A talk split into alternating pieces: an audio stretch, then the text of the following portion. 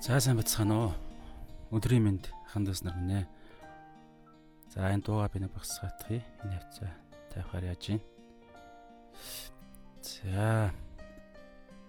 Энийг бас ингэх хэрэгтэй. За одоохон бүгдээр хамтдаа өнөөдрийнхөө эзний цагаар эзний үгийг судлах эзэнтэйгээ хамт байх цагаараа бүгдээрээ Матай 4-р бүлгийн 1-ээс 11-ээр бүгдээр хамтдаа аа эзнийхээ үгийг сонссон цагийг гаргацгаая.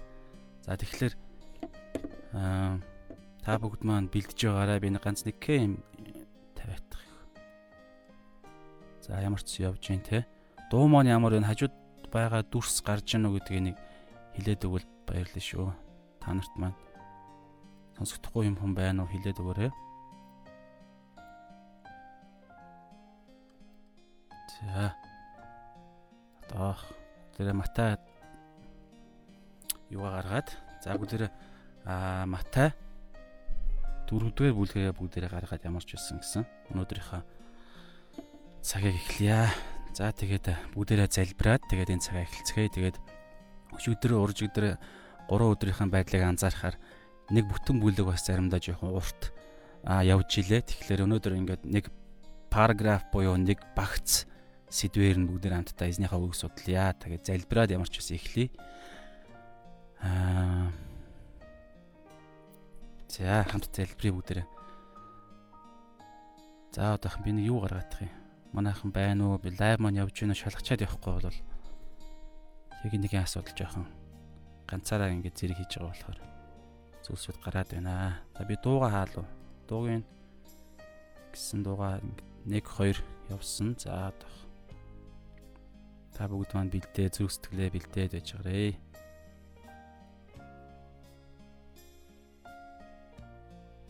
За Матай 4-ийнхаа нэгийг 1-ээс 11 нэг гэсэн сэдвэр бүгдээр явнаа. Би аа байгаа юм шиг байна. За за за. Явж байгаа юм байна. За окей. За бүгдээ хамтаа залбирая.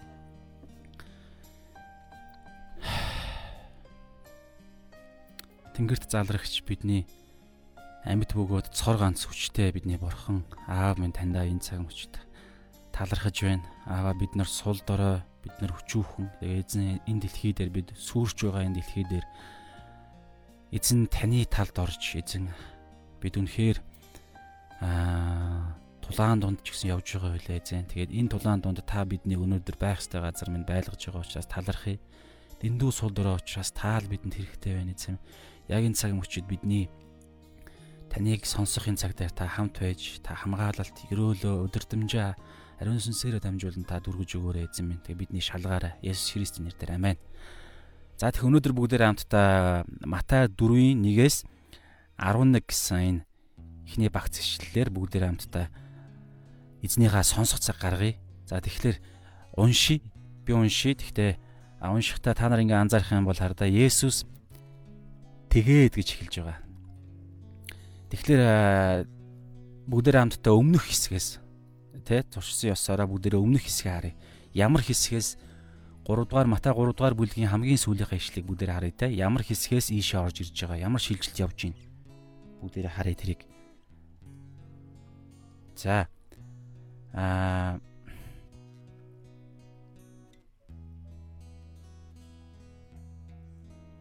За яж байгаа энэ манай энэ энэ маань ингээд асуудалд орсон байна. За энийгээ шалгаах юм. Матай Матай 3-ын та нар санаж байгаа бол өчигдөр байсан хүмүүс байгаа бол те Матай 3 дугаар бүлгийн хамгийн сүүлийн ишлэлдэр Есүс Христ баптизм хүртдэг те. За би гаргаадах юм. Баптизм а хүртээд гимтэн биш мөртлөө гимтэн хүний адил нэгэн адил тэгээд өөрийнхөө үхэл амьдрал амьлалт амьлалтаа зөвгөнсөн тэр баптизмыг Иесус Христ а зөвхт байдал зөв байдлын төлөө Иесус Христ хүртээд тэгээд дараа нь юу болдог вүлээ тэр хэсэг гарч ирж байгаа тий хамгийн сүүлийн 17 баг шүү. За 17 дугаар ишлэгийг Матай 3-ын 17-аг бүгдээр харъя. Тэгээд өнөөдрийн хэсэг дараа нь шууд залгаад явж байгаа үйл явдал учраас бүгдээ эндээс харцгаая. За тэгээд комент хэсэгт цөмөр та бүгд маань ямар нэгэн зүйл болохгүй байна. Яаж нээж мэдээлэл хэлэх зүйл байвал хүсэл тавиул тавьж бичээрэй би тавиадах юм. Комент хэсэг харж болж уу? За болж ах шүү. За а 17 17 дээр ингэж байгаа шүү дээ. Тэнгэрээс баптизм хүртсэний дараа Тэнгэрээс үзэгтэн хайрт хүмүн энэ билээ. Хайрт хүмүн Бурхан Аав хэлж байгаа та Есүс Христэд энэ бол миний хайртай хүү. Бурхны хүү, хайртай хүү гэж хэлж байгаа. Таалалмын түнд оршдгоо гэдэг дуу гарсан. Яг энэ баптизм хүртсэний дараа ямар үйл явдал болж байгааг өнөөдөр бүгдээрээ хамтдаа энэ цагаар эзэн биднэрт үгээ айлтгуулно бүгдээ эзнийг сонсох цаг гаргая. За Есүс соригдсон нь хаан аврагч тэ соригдсон үйл явдал гарч байна. За бүгдээрээ уншия.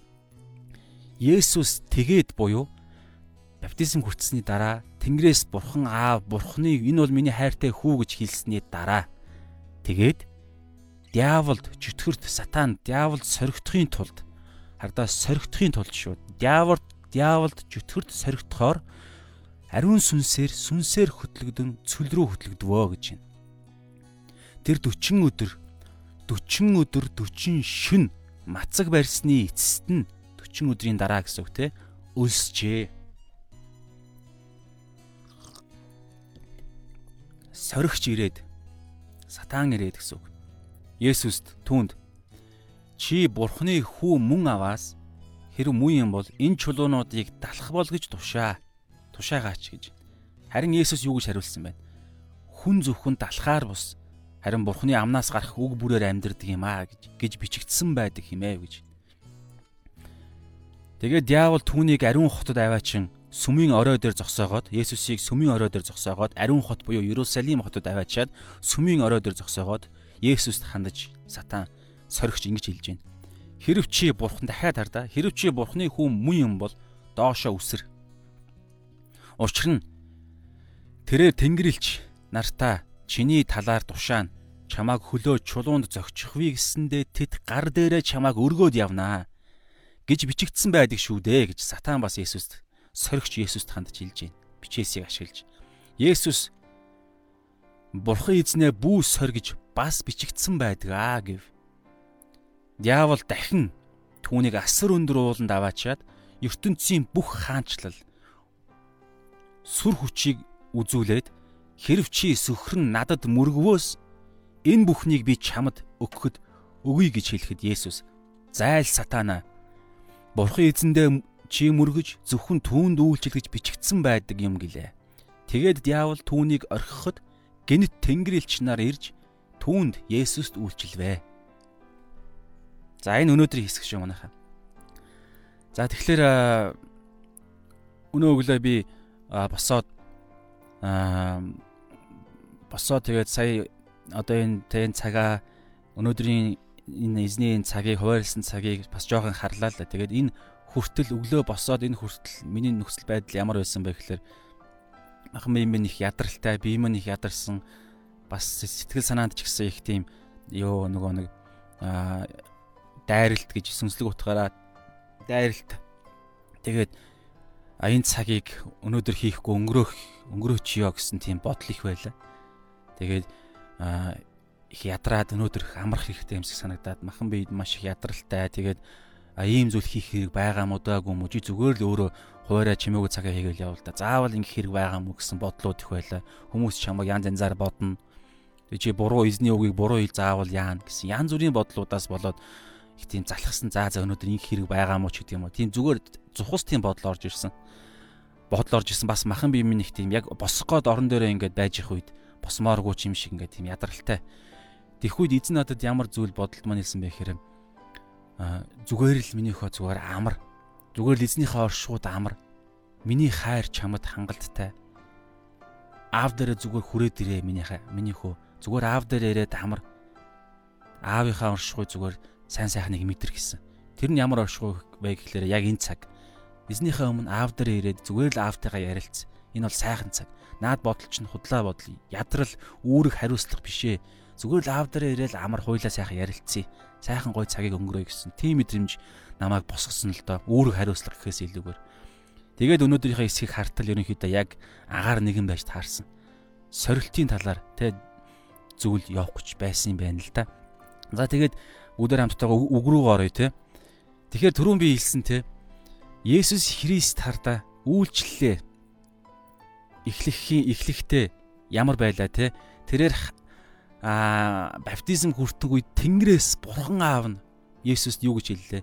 Энэ бол миний хайртай хүү, миний хайртай хүү гэдэг энэ гайхалтай гэрчлэлийг Йохан сонссон, Есүс сонссон. Матай бас үнийг бичиж буулгасан байна бид нарт те. Тэгээ дараагаар нь ариун сүнс тагтаа мэт түүн дээр буун ирсэн. Ийм гайхалтай зүйлийг үйлчлэлийнхаа хамгийн ихэнд мэдэрсэн. Яг дараа нь юу болсон гэж Есүс тэгээд буюу англи хэл дээр яг дараа нь гэсэн санаа. Дараа нь тэгээд яасан бэ гэхээр нөгөө буун ирсэн сүнс нь ариун сүнс түүнийг хаашаа хөтөлсөн байна. Цөл рүү. Яа ямар зорилгоор сатанаар соригдохын тулд сатаанд соригдохоор ариун сүнс Есүсийг нөгөө Бурхны хайртай хүүг аваад явсан. Цөл рүү хөтөлсөн. Аваад явсан гэхээс илүүгээр түүнийг тийшээ чиглүүлсэн. Есүс өөрөө тийшээ явсан, зорж явсан. За тэгээд сүнсээр хөтлөгдсөн. Then Jesus was led тий by the spirit тий өдөрдөгдаад тэгээд сүл рүү темпт гэж байгаа сте тий чөтгөрөөр соригдохоор явсан. Тэгээд тэнд очиод 40 өдөр 40 шүн мацаг барьсан гэж байна. Мацаг барьсан. Тэгэхээр энэ хэсгийг ингээ бодохоор хардаа Есүс Христийн а хамгийн сул дорой а байх магадлалтай яг тэр махан биеийн 40 а мацаг та нар мацаг барилтын талаар мэдээлэл сонсч ирсэн бол сая шолон видеос дээр ч гэсэн мац хэрхэн мацаг барих вэ гэдээ орчуул тайлбар бичлэг би бас орчуулж тавьсан те тэгэхээр тэн дээр 40 өдөр гэдэг бол хүний мах бодит маш тийм төөлийн туйлдаа хүрэх тэр хамгийн хязгаар байгаад байдгийн байна л да. Шинжлэх ухаанаар эрдэмтэд хүртэл энийг олж тогтоосон.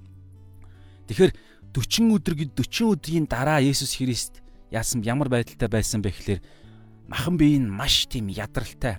Мах бод нь маш ядарч сүлдсэн. Бүр эрүүл мэндийн талаасаа хүртэл маш хэцүү байдалтай байсан.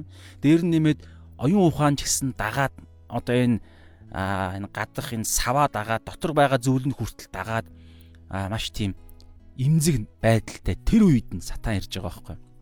Тэгээд энэ зүйл хизээ болсон бilé. Танаас салж санаж байгаа бол яг өмнө нь Есүс Христээр гайхалтай Тэнгэрлэг илчлэлт аваад тэгээд үйлчлэлээ эхлэх гээд хамгийн ихнийхээ үйлчлэлийнхаа яг эхэнд нь энэ зүйлийг бий болгож байгаа. Тэгэхээр эндээс харах юм бол хардаа Бурхны аа бидний амьдралд зөвшөөрж байгаа, бидний өмнө тулгарж байгаа хэрв та Бурхны хүн мөн л бол Бурхны хаанчлалын төлөө явж байгаа бол бидний өмнө тулгарч байгаа бүх зүйл зоригтой байдаг. Ром 8:28 дээр ч гэсэн байдаг те. Бурхны Бурхныг хайрладаг, түүний зорилгын дагуу дуудагдсан бүх хүмүүс тохиолдож байгаа бүх зүйлс энэ дотор сорилтууд хүртэл орж байгаа байхгүй юу? Бурхны шалгалт орж байгаа гим нүглийн зарим сорилтуудыг хүртэл Бурхан зөвшөөрж байгаа нь а нэг талаараа одоо энэ энэ зүйл дээр яригдана бас бас тэрнээс гадна бид нар өөрсдөө аа гим гим нүглийн сорилт бол ерөнхийдөө бурхнаас биш бидний өөрсдийн сул дорой байдлаар соригддог шүү дээ. Гэхдээ энэ тохиолдолд хартаа Есүс зөвшөөрсөн байгаа байхгүй юу? Есүс өөрөө гим нүгэл сул дорой байдлаасаа болж гим нүгэлд ундаг бид нар шиг тийм сул дорой байдалтай биш. Гэхдээ үйлчлэлээ эхлэхээс өмнө тэрээр сатаанд соригдохоор сатаанд соригдохыг нь бурхан зөвшөөрсөн байгаа юм. Энэ төлөвлөгөөнд нь орсон байгаа байхгүй? Тэгэхээр тэр гайхалтай үйлчлэлийнх нь эхлэлд Тэнгэрээс тэр энэ бол миний хайртай хүү. Тэгээд ариун сүнс бурхан тагтаамын түн дээр буу ирж байгаа. Энэ гурвлын нэгдэл үйлчлэлээ эхлэх гэж байгаа энэ гайхалтай гараан дээр хамгийн эхлээд тэр юу хийсэн бэ гэхээр бурхан гурвлаар оршиж бурхан ямар төлөвлөгөөг төлөвлөгөөгөөр өнөөдрийн энэ үйл явдлыг эхлүүлж байгаа вэ гэхээр сатанаар соригдохын тулд цөл рүү явж байгаа. Тэгээ мацаг барилтын 40 өдөр үргэлжлэж байгаа байхгүй. За тэгэхээр Яагаад энэ зүйлийг хийх шаардлагатай болсон? Яагаад Есүс заавал үйлчлэлээ эхлэхээс өмнө 3 жилийн үйлчлэлээ эхлэхээс өмнө тэр шин гэрээг тэр үхлийг ялах, сатаныг ялах ялалтыг тогтоохоос өмнө тулаанд орохоос өмнө заавал яагаад наан нь сорих сатанаар соригдох энэ 40 өдрийн мацаг барилтын энийг бурхан зөвшөөрсөн. Ариун сүнс удирдсан. Есүс дуулууртаа дагаад явсан. Сорилтонд нь орсон. Соригдохоор явсан. Яагаад юм? Тэгэхээр би энэ ингээд энэ хэсгийг бодохоор надад ийм бодол орж иж байгаа юм л да. Та нартаас орж иж байгаа гэж бодож байна.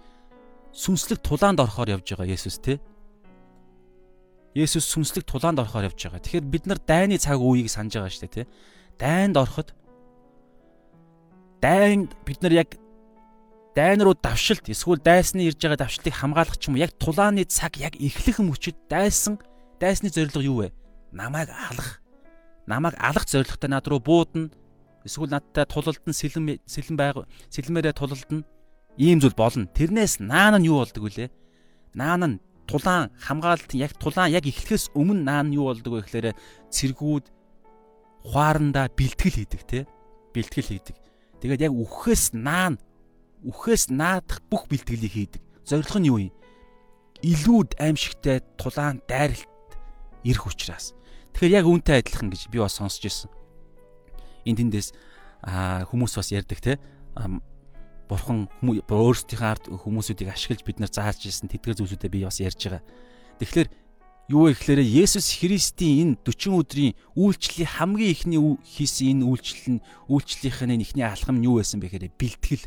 Юуны тулд вэ гэхээр олон тал мэдээж тайлбарууд байгаа. Олон талд үннүүд явж байгаа. Тэрнийх нь бас нэг чухал өнөөдөр бидэнд санагдаж байгаа нэг зүйл нь юу вэ гэхээр түүний үйлчлэлийн 3 жилийн турш тэгээд 3 жилийн төгсгөлд болох тэр асар том тулаан буюу тэр Есүс Христийн загалмайн үхэл тэр олон янз бүрийн тэр загалмайн үхэл тэр ялалтын төлөө явж байгаа тэр сүмслэг тулаанд нь сатан түүн рүү асар олон байдлаар дайрна. Эцсийн цаг мөчид загалмай өмнө тэр Голготын өмнө те гитсмэн цэцэрлэгтээ залбирч явахдаа яадаг вүлээ бас тулаанд ордог.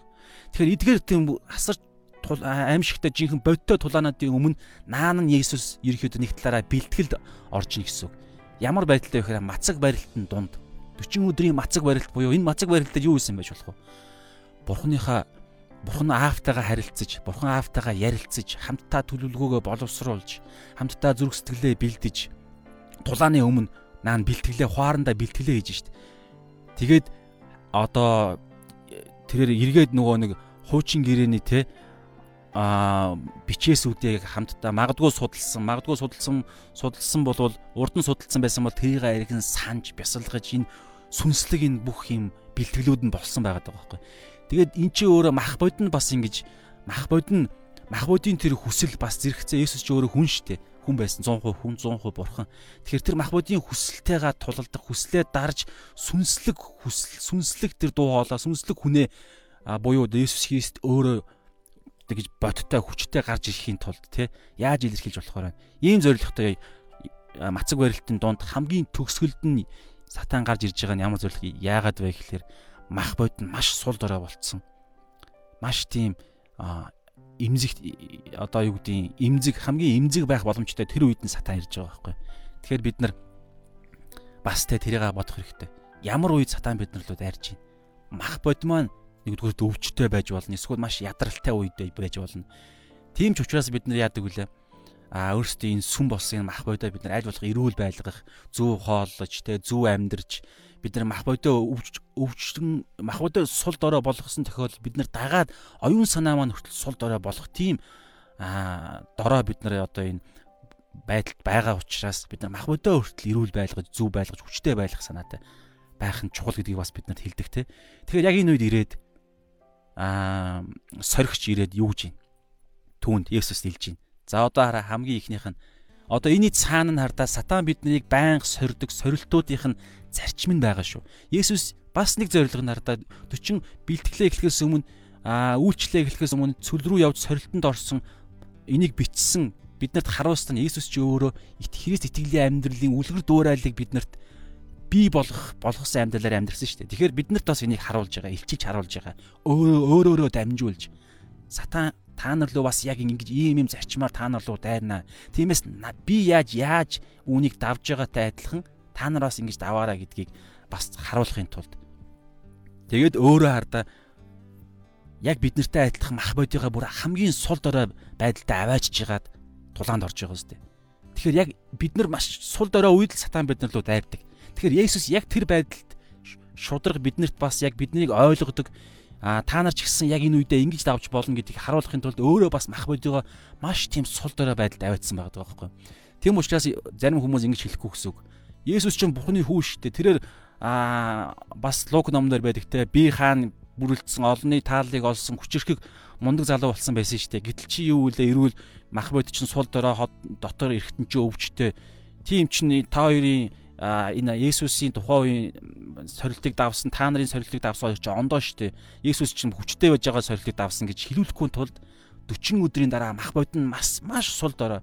Бидний одоо өвчтэй биеэс илүү сул дорой гэсэн үг байхгүй юу? 40 өдрийн дараа гэхээр хүний дотоод эрэхтэн бүгд ингэж бүр ингэж бүр байгалийн жамаасаа гажиж ингэж бүртээ ингэж хумигдж одоо яаж илэрхийлж болох вэ? Маш тийм хэцүү нөхцөл байдал байсан гэсэн үг. Тэр үедээ сорилтонд орсныгоо биднэрт харуулснараа өнөөдөр бид нарт зааж байна. Ингиж яваарай гэдгийг. За тэгээд соригч сатаа яриад юу гэж хэлсэн байна? Чи бурхны хүү мөн аваас муу юм бол энэ чулуунуудыг далах бол гэж тушаа. Англи хэл дээр юу гэж байна? Бүгдээр хамтаа King James-ыг гаргая. За Харта англи хэл дээр if гэдэг үг байдаг байхгүй хэрв гэдэг үг. And when the tempter come to him he said if if you be the son of God хэрв чи Бурхны хүү мөн юм бол гэж байгаа байхгүй. Хэрв чи. Одоо тэгэхээр Есүс Христийн гурван энэ сорилт Есүс Христ буюу Бурхны хүү хүүг сорилсон энэ гурван сорилтын хамгийн ихний сорилт нь юу гэж юм?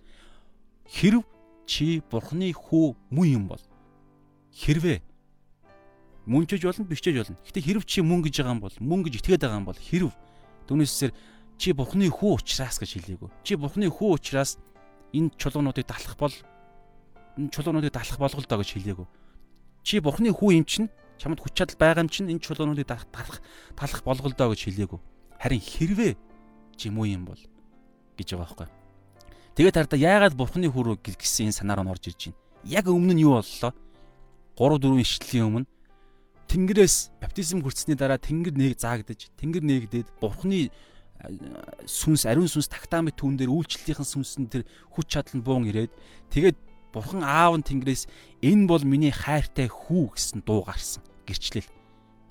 Бичээс энэ үг гарсан. Тэгээд энэ үгэн дээр нь энэ хүч чадал, энэ нэр цол нэрэн дээр нь сатан адилж байна гэсэн. Тэгээд хараа Аа түүний нөхцөл байдал ямар байгаа вэ? 40 өдрийн дараа тэрээр өсчихсөн байгаа. Мах бод нь яг өсчихсөн. Тэгээд яг тэр хэрэгцээ мах бодийн тэр хэрэгцээгээр нь дамж хэрэгцээн дээр нь тулгуурлаж Есүс сатан Есүсийг сорж байна. Хэрв чи нэгдүгээр Бухны хүү муу юм бол тийм чадaltaй юм бол чамд тийм супер натурал тэр юр бусын юр бусын чадвар байгаа юм бол чи ганц үгээрээ орчлон ертөнцийг бүтээсэн тэр бурхан муу юм бол бурханы хүү муу юм бол тэр үг муу юм бол Иохан 1-р бүлэг дээр байдаг те. Үг нь орчлон ертөнцийг бүтээсэн үг нь бүх бүх зүйлийг бүтээсэн үг нь мах бод болон бидний дунд оршсон гэж Иохан 1-дэр байгаа. 1-р бүлэг дээр. Тэр бурхан тэр үг муу юм бол чи энэ чулууг далах бол гэж тушаалтай. Тэг үгээрээ орчлон ертөнцийг бүтээсэн үгээрээ чулууг далах бол гэж тушаагаад яг одоо чамд мах бод чинь тийм хэрэгцээ байгаа үсттэй. Тийм хэрэгцээ байгаа үсттэй тий. Тэр тийм хэрэгцээ байгаа юм бол хэрэгцээгээ хангалда гэсэн юм хэлж байгаа. Яг ингээ бодох юм бол хардаа аа маш тийм учир шалтгаантай бодол байгаа байхгүй. Нэгдүгээр би бурхны хөө мөн өмнө надад надад тийм чадвар байгаа юу байгаа. Байгаа. Есүс тул байсан. Өөрө бурхны хүү учраас тэрээр үг учраас оргуу хоосноос гэрэл би бол гэж хэлж байгаа үг нь өөрөө Есүс байхгүй. Тэгэхээр тэр оргуу хоосноос гэрлийг би болгож байгаа нар сарыг би болгож байгаа тэр нөгөө нэг хувьслын онлын Big Bang те тесрэлт тэр асар том тесрэлтийг бий болгосон тэр үг чинь өөрөө Есүс учраас зүгээр нэг үгийг чулууг талах бол гэж хэлэхэд тэр чулуу талах болох боломж бол бүрэн бололцоонд байсан. За дээр нэмээд Есүст хэрэгцээ байсан уу? Байсан шүү дээ. Маш их өсөж исэн. 40 өдрийн дараа 40 өдөр юу ч хийдэггүй шүү дээ. За усууж усууж исэн үгүй юу гэдэг дээр усууж исэн л гэж гэсэн мэдээж судалгаа байгаа тий. Усуугаад юу ч хийдэггүй байхгүй. Тэгэхээр Гэтэл Есүс яасан бэлээ? Яг тэр түүний хэлсэн үгэн дээр нь үгний агуулга дээр нь төвлөрөөд нэрэж тийм шүү чадвар байгаа юм чинь. А зүгээр л яг хэлж байгаа хүн л тэ чөтгөр болохоос биш. Бас л ортой юм ярьж штэ шиг тийм үү тэр үгийг нь авч хэлцээгүү Есүс яаж ийн энэ ирж байгаа нөгөө нэг тэ дээгүр шуун толгой дээгүр шуун нисэж байгаа энэ дээр ирээд үүрээ засахыг бид нар а хориглох тийм эрх чөлөө сонголтод бид нар байдаг шиг Есүс ч гэсэн тэрийг бид нарт харуулж байгаа нь. Тэр үг ирээд түүний зүрхэнд нь оргоо орох ороод тэр сорилт болох яг тэр а сорилттой нааша ирж байгаа сумыг тэр мэдж байгаа байхгүй. Мэдээд юу гэж харж яана вэ гэхээр тэгээд юу гэж Есүс хэлсэн бэ? Есүс хариуд нь ямар хариулт хэлсэн бэ? Хүн зөвхөн талхаар бус харин бурхны амнаас гарах үг бүрээр амьдрнаа гэж байгаа.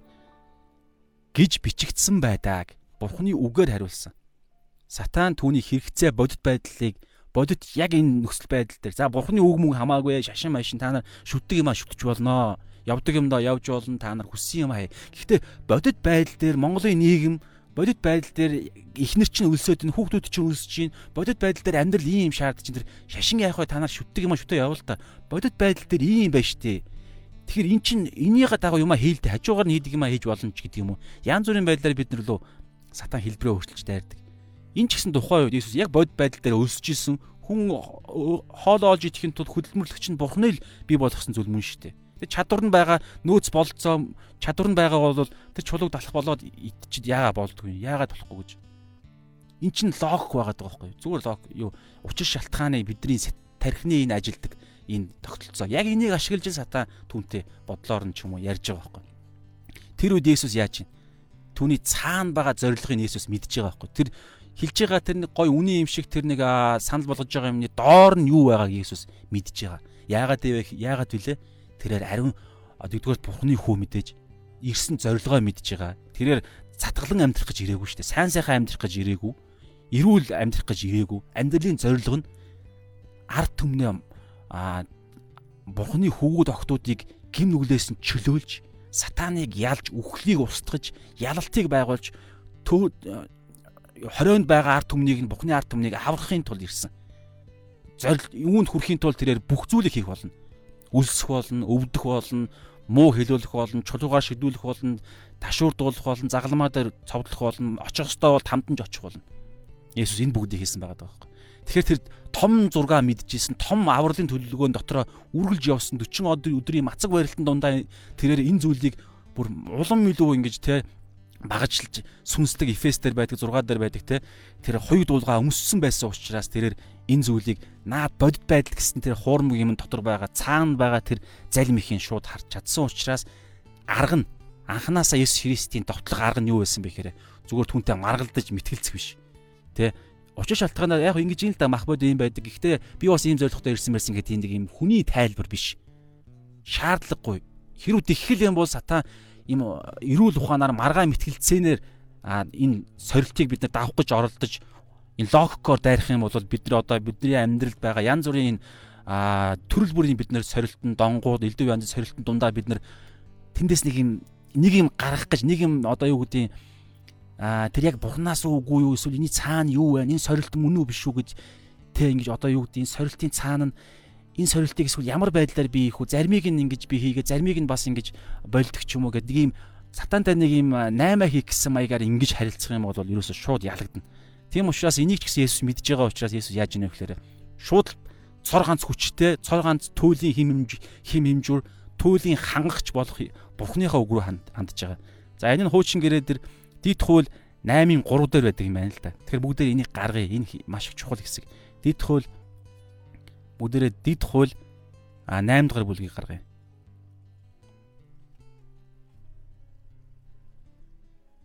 За дид хууль 8-ын 3 одоо хардаа за би бүгдийг нь уншихаас илүүгээр би түрүүн урдчлаад бэлдээд уншсан л та. Тэгэхээр энэ дээр хардаа ингэж байгаа. Ерөнхийдөө хардаа дид хууль 3 нь одоо энд байна. За би 3-ыг ингээд тодруулчихъя.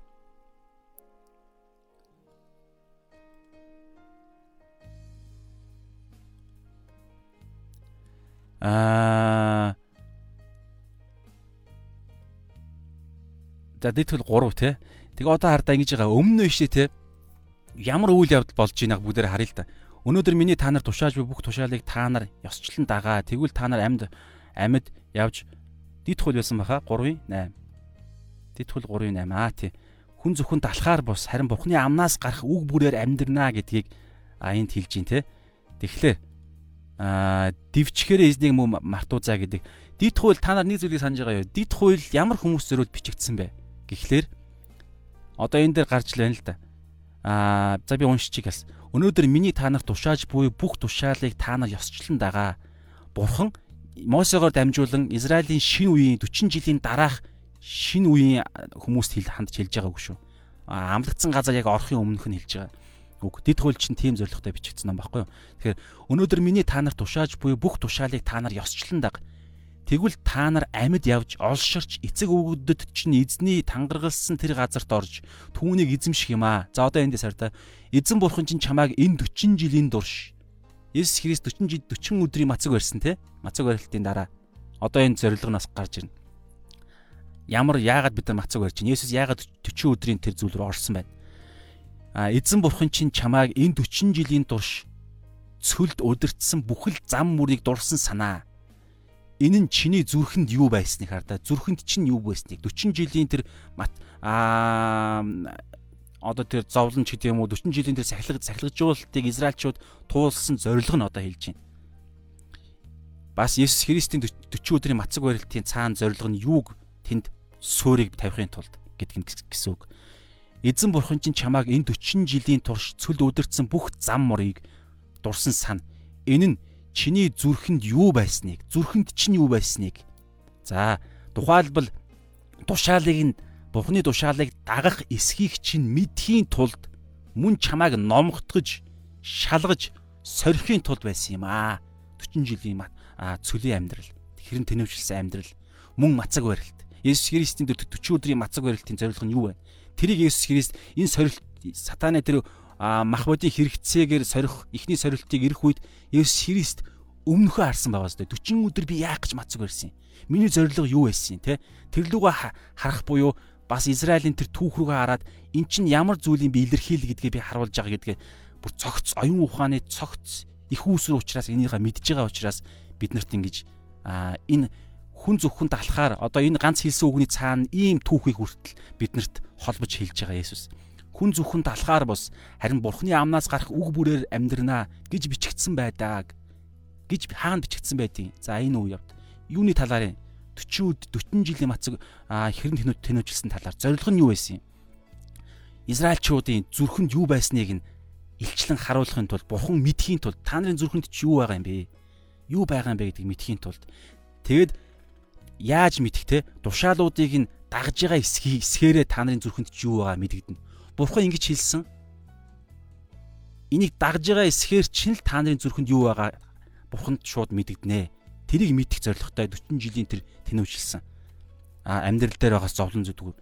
За тэгэнгүүтлээ шалгаж бас сорихын тулд гэж байгааз.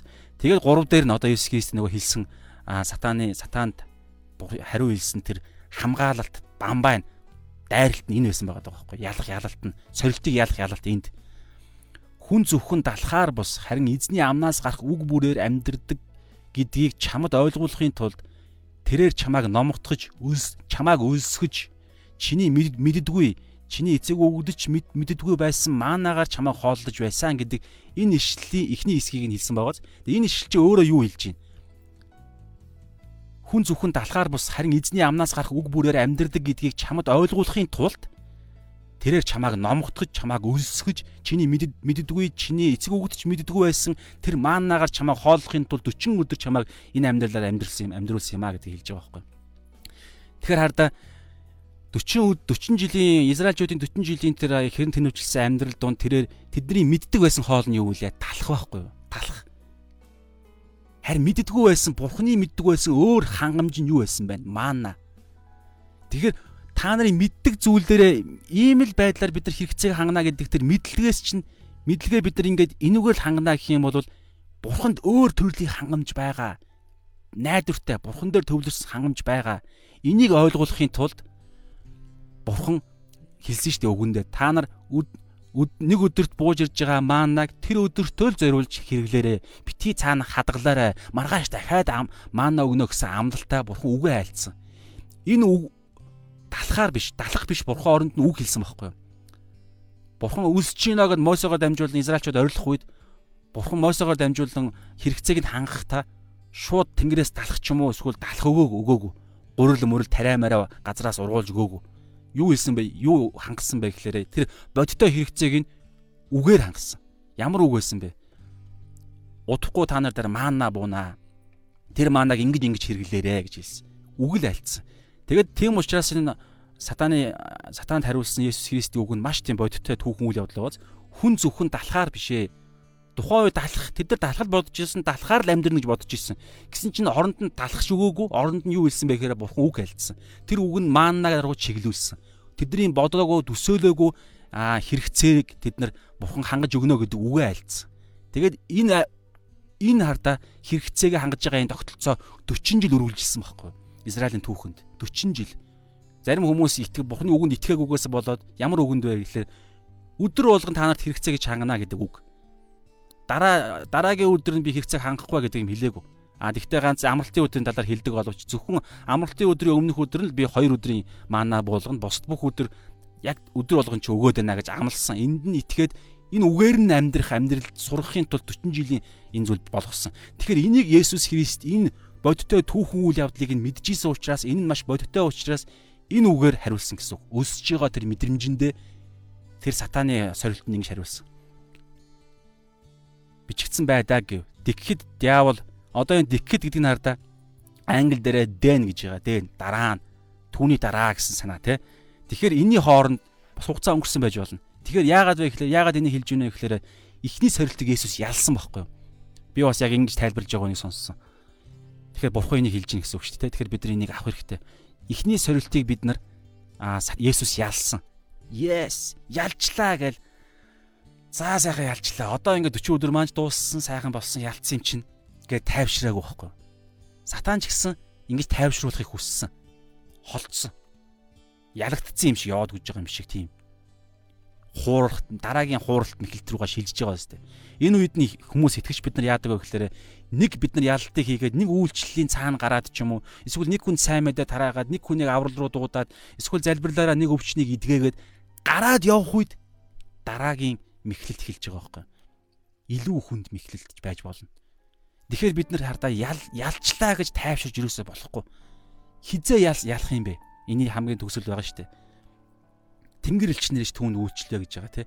Тэгэхээр тэр бурхны тэр за одоо гэдэг тийм нэг юм үе ирэхээс нааш бид нар тайвшрах ёсгүй болохгүй гэсэн санаа. Яагаад вэ гэхээр бид нар үргэлж тулаан донд байгаа. За тэгээд хардаа аа ги химээвэ. Тэгээд дараагаар нь тэгэхэд диавол аа ирээд хоёр дахь сорилтоо эхэлж байна. Эхний сорилт нь ямар вэ? Түүний мах бодийн хэрэгцээ, түүний хувь хүнийх нь тэр 100% хүн 100% бурхан тэгээд хувь хүний тал руу тэр хэрэгцээ тал руу өөрийнх нь ирэх ашиг хувь хүнийх нь ирэх ашиг тал руу эхлээд сорьсон. Бас бодит байдлаа яг л хүн хувьхан анхан шатны хэрэгцээнүүдэд хангах хэрэгцээтэй. Идэх, идэж уух, өмсөж зүүх, тэ амьдрч унтаж амьдрах, тэгээд идэл чиглэгч гэдэг юм уу. Тэгээд хайрлаж халамжлах гэдэг юм уу ингээд миний санаж байгаагаар бол энэ таван анхан шатны хэрэгцээ байгаа байхгүй. Тэгэхээр энэ таван энэ хэрэгцээ за би зарим нь буруу хэлсэн байж магадгүй шүү. Тэгэхээр энэ ямар ч үсэн нэг юм анхан шатны хэрэгцээнүүдээр нь дамжуулж хувь хүн рүү хандсан. Есүс яалсан. Яаж вэ? Бурхны үгээр зүгээр нэг чэдэлсэн нэг юм ойролцоо утгатай үг нь орсон сатаны сорилтонд нь ойролцоо үг орсон учраас би ингээд чэдэлсэн юм биш. Цаана байгаа агуулгын контекст буюу те тэр хам сэдв адилхан нөхцөл байдал Библиэд хаана хэлэгдсэн бэ гэдгээ тэрээр судлаад наан мэдсэн байсан гэсэн үг. Яг одоо өнөөдөр бидний хийж байгаа чимээгөө цаг шиг ийм Бурхныхаа үгийг бясалгах, Бурхнаасаа сонсох, ойлгож ухаар санд сэрэх энэ зүйлээ хийцэн байсан учраас тэр мэдрэмж ирэх үед бид нар ингэж Есүс ингэж ялсан. За хоёр дахь нь тэгэхэд а диавол за одоо энд гарч ижин те сатан түүнийг Есүсийг ариун хотод Иерусалимд аваачаад сүмийн орой дээр зогсоогоод Есүст хэлсэн байна. Хэрв чи дахиад хардаа дахиад хэрв чи хэрв чи бурхны хүү муу юм бол доошо үсрээ. Өмнөх нь 40 хоногийн өмнө буюу 40 40 орчим хоногийн өмнө буюу хитгэн ишлэлийн өмнө номон дээр бол хитгэн ишлэлийн өмнө энэ бол миний хайртай хүү гэд бурхан хилтсэн байтал тэрийг сатанж мэдж байгаа, итгэж байгаа угаасаа үнэн учраас гэтэл энэ дахиад түүний оюун бодолд нарда эргэлзүүлэх янз бүрийн хэрв чи дахиад оюун бодлын бодлынхын дунд нь энэ аа сорилтыг хийж байгааз хэрв чи бурхны хүү муу юм бол доошо үсэр гэж штэ. Яагаад үсрэх ёстой юм гэсэн чинь тэр яагаад тэгвэл Библиэд нэг иймэрхүү санаа хэлсэн ингээд одоо ардаа сатан Библийн бурхных нь үг аавынх нь хэлсэн үгийг нь ашиглаж байна. Дуулал Дуулал 91-ийн 11-ээс 12 дээр. За та манайхан бүгд ер нь гадарлаж байгаа. Дуулал 91 чинь Бурхны хамгаалалтын аа гайхалтай тэр амлалт, амлалтын дуулал шүү дээ. Тэгэхээр а хамгийн дээд нэгний халахвчин дор шиг нэг төгс хүчт нэгний сүүдөр дор амьдрнаа. Тэгээд эзэн бол миний хорогдох газар тэр ямар ч үед энэ дүн таардаа нэг юм ишл бас байгаа шүү дээ. Үхлийн дахлаас хүртэл хамгаална гэж байгаа. Одоо коронавирус явагдаж байна. Тэгэхээр хардаа яг бичээсийг харах юм бол үхлийн дахлаас хүртэл бурхан ард түмнээ хамгаална гэдэг юм үг дуулал 91 дээр байгаа гэсэн санаа үг нь байгаа байхгүй. Тэгэхээр тэрийг хүртэл сатан авч хэлэх байгаа гол санаанаас нь мушгиж биднийг сордгоо гэсэн. Магадгүй танд ийм бодол төрсэн байх. Энэ тэнд ютубер ч гэсэн тийм номлуудыг би бас сонссон. Коронавирус үеэр чуулганууд хаалгаа барих ёсгүй. Бид нар бурхан биднийг хамгаална гэсэн байгаа. Та нар бид нар бурханы чуулган үргэлж нээлттэй байх ёстой мостой гэсэн тийм санаатай байгаад байгаа байхгүй. Гэтэл эний цаана нь яг сайн бодох юм бол сатааны залмих явж байгаа байхгүй. Дуулал 91-ийг ашиглаж буруугаар мушгиж бурхны хэлсэн санаа гол хэлж байгаа зорилго ямар нөхцөл байдалд хэлж байгаа зорилгыг нь орхигдуулаад зүгээр хэлсэн үг наан дээр хэлбэр дээр нь хэлбэрийг нь гаргаж ирээд ингэж бичсэн байгаа үстэй. Тэгэхээр энэ нөхцөл байдал ингэж тэгээд өөрөө хэрэгжүүлэлт тайл хийдгээ гэсэн үг. Тэгэхээр яг энтэй адилхан зүйлийг сатан Есүст хэлсэн байгаа даа байхгүй. Одоо хараа эхлээд түүний нөхцөл байдал дээр түүнийг аваачсан нөхцөл байдал дээр нь Есүс Христтэй буюу Есүс Христийн нөхцөл байдал буюу тэр Иерусалимийн өндөр аа сүмийн өндөр орой дээр Есүсийг аваачиж жагаад тэгээд түүнд нөхцөл байдалд нь таарсан Бурхных нь тийм аа Бурхны үгийг нь түүнд тааруулж ингэж өгж байгаа. Тэр нь дуулал 91 дээ 91-ийн 11-ээс хэд байла? 11-ээс 12 дээр юу гэж байдгийг. Та нар дараагаар дуулал 91-ийн бүтээр нь хараарай. Тэгээ 11-ээс өмнөх ишлэлийг хараарай өмнөх ишлэл нь явж байгаад ямар нөхцөл байдал донд энэ үг хэлэгдсэнийг та ариун сүнстэй бурхны хүн бол шууд ойлгоно. Гэтэл сатан энд ямар байдлаар хэрэгжилж байна? Өнөөдөр ч гэсэн коронавирусын үед ч юм уу энэ тэнд янз бүрийн нөхцөл байдал донд бурхны үгийг ашиглаж бид нар бидний дотор хүртэл бид нар ингээд буруу юм зүйл хийх гэдэг те. Нөгөө нэг гаж солонгосын гаж урсгалын тэр имээ цуглааны тэр имэж гэлөө гаж урсгал яагаад гаж вэ гэхээр бурхны үгийг буруу ойлгоцсон, буруу тайлцсан, сатан тэгж тайлбарлсан. Яг одоо Есүсийг ингэж сорих гэж оролдож байгаа юмыг тэр чуулганд тэр пасторт хэлсэн учраас хэлээд тэд нар итгэцсэн учраас тэрийг нь аваад зүв урднаа нь судлаагүй байсан учраас сорилт сорилтонд орж байгаа байхгүй. Тэгээ дараа нь юу хэн цаана хэлэгдэж ийн ихээр бурхан Христийн нэр гарч байгааз.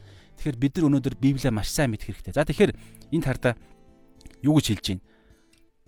Дуулал 91-ийн 1-ээс 11 дээр хэрв чи аа учир нь Тэнгэрлэгч нартаа чиний талаар тушаанаа Хүн мөн бол доош үсэр учир нь тэрээр тэнгэр одоо эндээс эхэлж байна.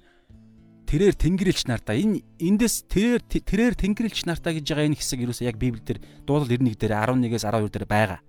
Гэхдээ ямар нөхцөл байдал хэлэгдсэн ондоо. Тэгээ юу гэж хэлж байна?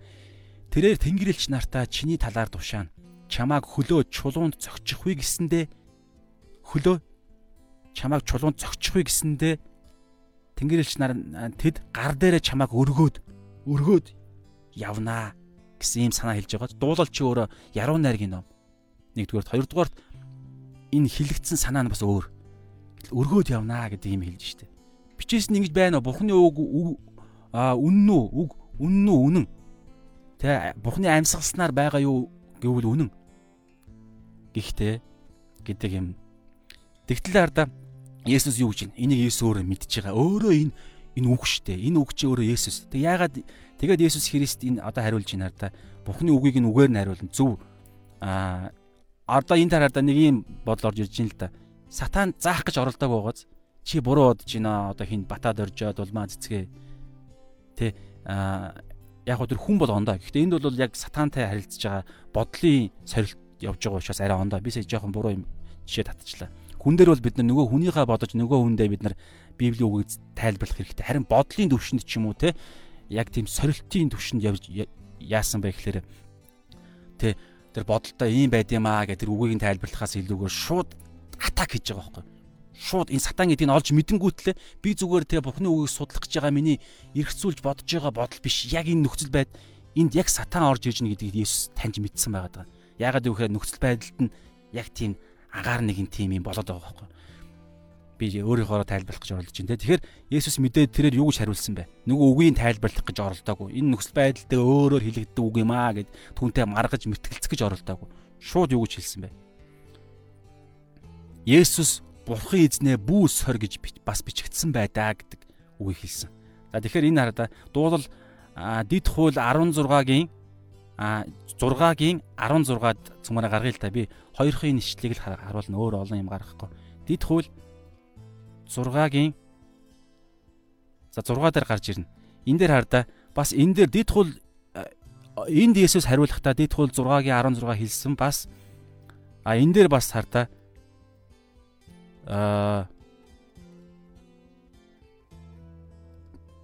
а энэ энэ дээр бас Дидх бол 6-гийн 13 шүү. Тэгэхээр 13 16 2-ыг Есүс хэрэг а яасан.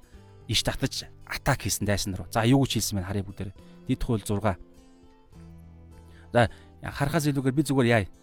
Ерөнхийдөө та нарт ингээд уншицсан учраас нэр нь хардаа дуулуургүй эсрэг сэрэмжлүүлэг. За одоо бүгдээрээ саная л та ямар нөхцөл байдал хэллээ. Сатан Есүсийг сорилоо. Түүнийг сүмийн орой дээр аваачиж хагаад тэ өндөр сүмийн орой дээр аваачиж хагаад тэгээд нөхцөл байдлыг өөрчилж байгаад одоо нөгөө яг бодиттой нөхцөл байдал биш байгааз үлсэжсэн яг үлсэжсэн гэсэн дээр үлссэн гэсэн хэрэгцэн дээр нь биш. Өөр нөхцөл байдал тийм хийс одоо бид нар ингээд нэг юм заримдаа ингээд теологийн маргаан мэтгэлцэн болоход бид нар ингээд ингээд ямар ч юм сэдвээсээ хамаа хадуурсан хадуурсан зүйлийг ингээд бодоол ингээд юм библийг ингээд янз бүрийн байдлаар бодож мэтгэлцдэг штеп. Тэр бас аюултай гэдгийг хэлж байгаа шүү нэг талаараа бас би тэгж бодож байгаа. Түүнийг өөр нөхцөл байдал дээр аваачингуутлаа сатан тэр нөхцөл тэр хийсвэр нөхцөл байдлыг бий болгоод тэгээ тэрэнд нь тааруулаад одоо ишлэлийг гаргаж ирж байгаа. Тэгээ тэр үед нь араа Есүсийн хариулсан хариулт нь атаклж байгаа шууд хамгаалж байгаа дайралт нь ямар хамгаалт байсан бэ гэхээр дуулгуу нөгөө нэг 40 жилийн дараа Израиль цөлөөр хэрэн хинүүчилж маанагаар хоолж явсан 40 жилийн дараа Египтээс гарсан хүмүүс бүгд үхсэн байхгүй юу? Бүгд үхээд за бүгд биш Мойсе хин Йошуа гэх мэтчлэн Калеб гэх мэтчлэн хүмүүсүүд яг итгэлээрээ явж исэн хэдэн хүмүүсүүд амьд үлдсэн. Тэгээд нөгөө залгамжлахын тулд дараагийн үедээ залгамжлах хэрэгтэй үүрэг үүрэг байгаа шүү дээ. Тэгэхээр бүх хүмүүс бусад бүх хүмүүс нь ингээд өгөөд шинэ үе гарч ирсэн 40 жилийн дараа. Тэр үед зориулсан бурхны хэлж байгаа үгэн дунд ийм байгаа байхгүй юу. Одоо ингээд ерөнхийдөө би бүгдийн та нар дараагаар нь уншаарай. Ерөнхийдөө ямар зүйл ярьж байгаа вэ гэхээр Бурхан эзэн чинь та нарыг хөдөлмөрлөөгүй, та нарын барьж байгуулаагүй, тарьж ургуулаагүй тэр нэг амлагдсан газар буюу Канаан гэдэг газар та нарыг одоо аваачнаа. Бүх юм нь бэлэн. Канаанчууд өөрсдөө хэдэн зуун жилийн, хэдэн 10 хэдэн зуун жилийн турш энэ Канаан гэдэг газараа өөрсдөө байж байгуулж суурьшсан энэ харь үндэстнүүд дээр та нарыг аваачна. Тэгээд тэднийг хөөж явуулаад алахын хөөж явуулаад тэгээд тэр газар дээр та нар хүний бэлэн юм дээр та нар сууршнаа. Тэр үедээ ямар байх ёстойг нь одоо хэлж байгаа байхгүй одоо ингээ харах юм бол те Яаков тангаргалсан Авраам Исаак Яаков тангаргалсан тэр газар та нарыг аваачиж өөрсдийн чинь барьж босгоогүй том сайхан хотууд чиний дүүргээгүй сайхан чиний дүүргээгүй сайн сайхан юмсаар дүүрэн гэрүүд бэлгийн юмнууд байгаа даа сте гэрүүд чиний ухаагүй усан сан чиний тарж ургуулаагүй усан үзмийн цэцэрлэг чидүүн мод жимсний моддыг чамд бэлнээр нь өгнөө чамайг цадтал идүүлэх үед чамайг жаргаах үед чи өөрийгөө хичээ гэж байгаа сте Энэ үедээ та нар анхаараарай гэж байгаа. Ийм агуулга дунд хэлэгдсэн үгийг Иесус наан судлаад олж мэдсэн тэр нөхцөл байдал мэдж байгаа учраас аа яг энэ үед хэрэгэлсэн гэсэн санаа. Тэгээд хардаа чамааг боолчлын гэрээс Египтийн газар нутгаас авчирсан эзнийг чи битгий мартаарай. Энэ бэлэн энэ сайхан ивэл өрөөл хоол чинь ямар нөхцөл байдлаар дамжиж хинээс өгөгдсөн гэдгээ битгий мартаарай. Яагаад мартах битгий мартаарай гэж байгаа. Цаана ямар аюул байгаа юм. Тэгэхээр чи бурхан эзнээсээ имээ зөвхөн түүнд үйлчилж түүнд тангаргалаа. За энэ болохоор нөгөө нь юу штэ те. Бүгдээр ирэхэд харъя. Тэрээр тэнгэрлэгч нар да. За ингэ явж байгаа. 16 шүү хадаартай. Хоёр дахь сорилт нь дид хууль 6-гийн 16 шүү. Тэгэхээр тэгээ ингэ явж байгаа. Тэгээд хардаа ингээд бус бурхтын аа таглаа та нар бусад бурхтыг буюу эргэн тойрныхоо ард түмнийхээ бурхтаас алийг нь ч бүү дагаа. Та нарын дунд байгаа эзэн бурхан чинь хайртай та нарын дунд байгаа эзэн бурхан чинь хартай бурхан учир эзэн бурхан чинь та нарт уурлан хилэгнэж газрын хөрснөөс та нарыг арчин зайлуул зайлуул үзээ зайлуулах магадaltaй шүү. Тэгээ одоо нөгөө нэг хэлсэн үг. Та нар масаад соршин шигэ бурхан эзнээ бүүсэр гэж байгаа.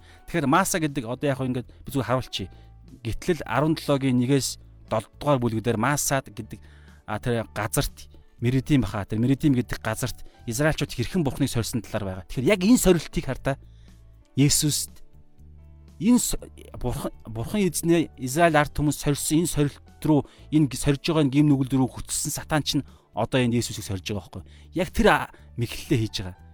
Тэгэхээр Меридим гэдэг тэр газарт Израильчууд хэрхэн бурхныг сорьсон байх хэрэг уух усгүй болсон.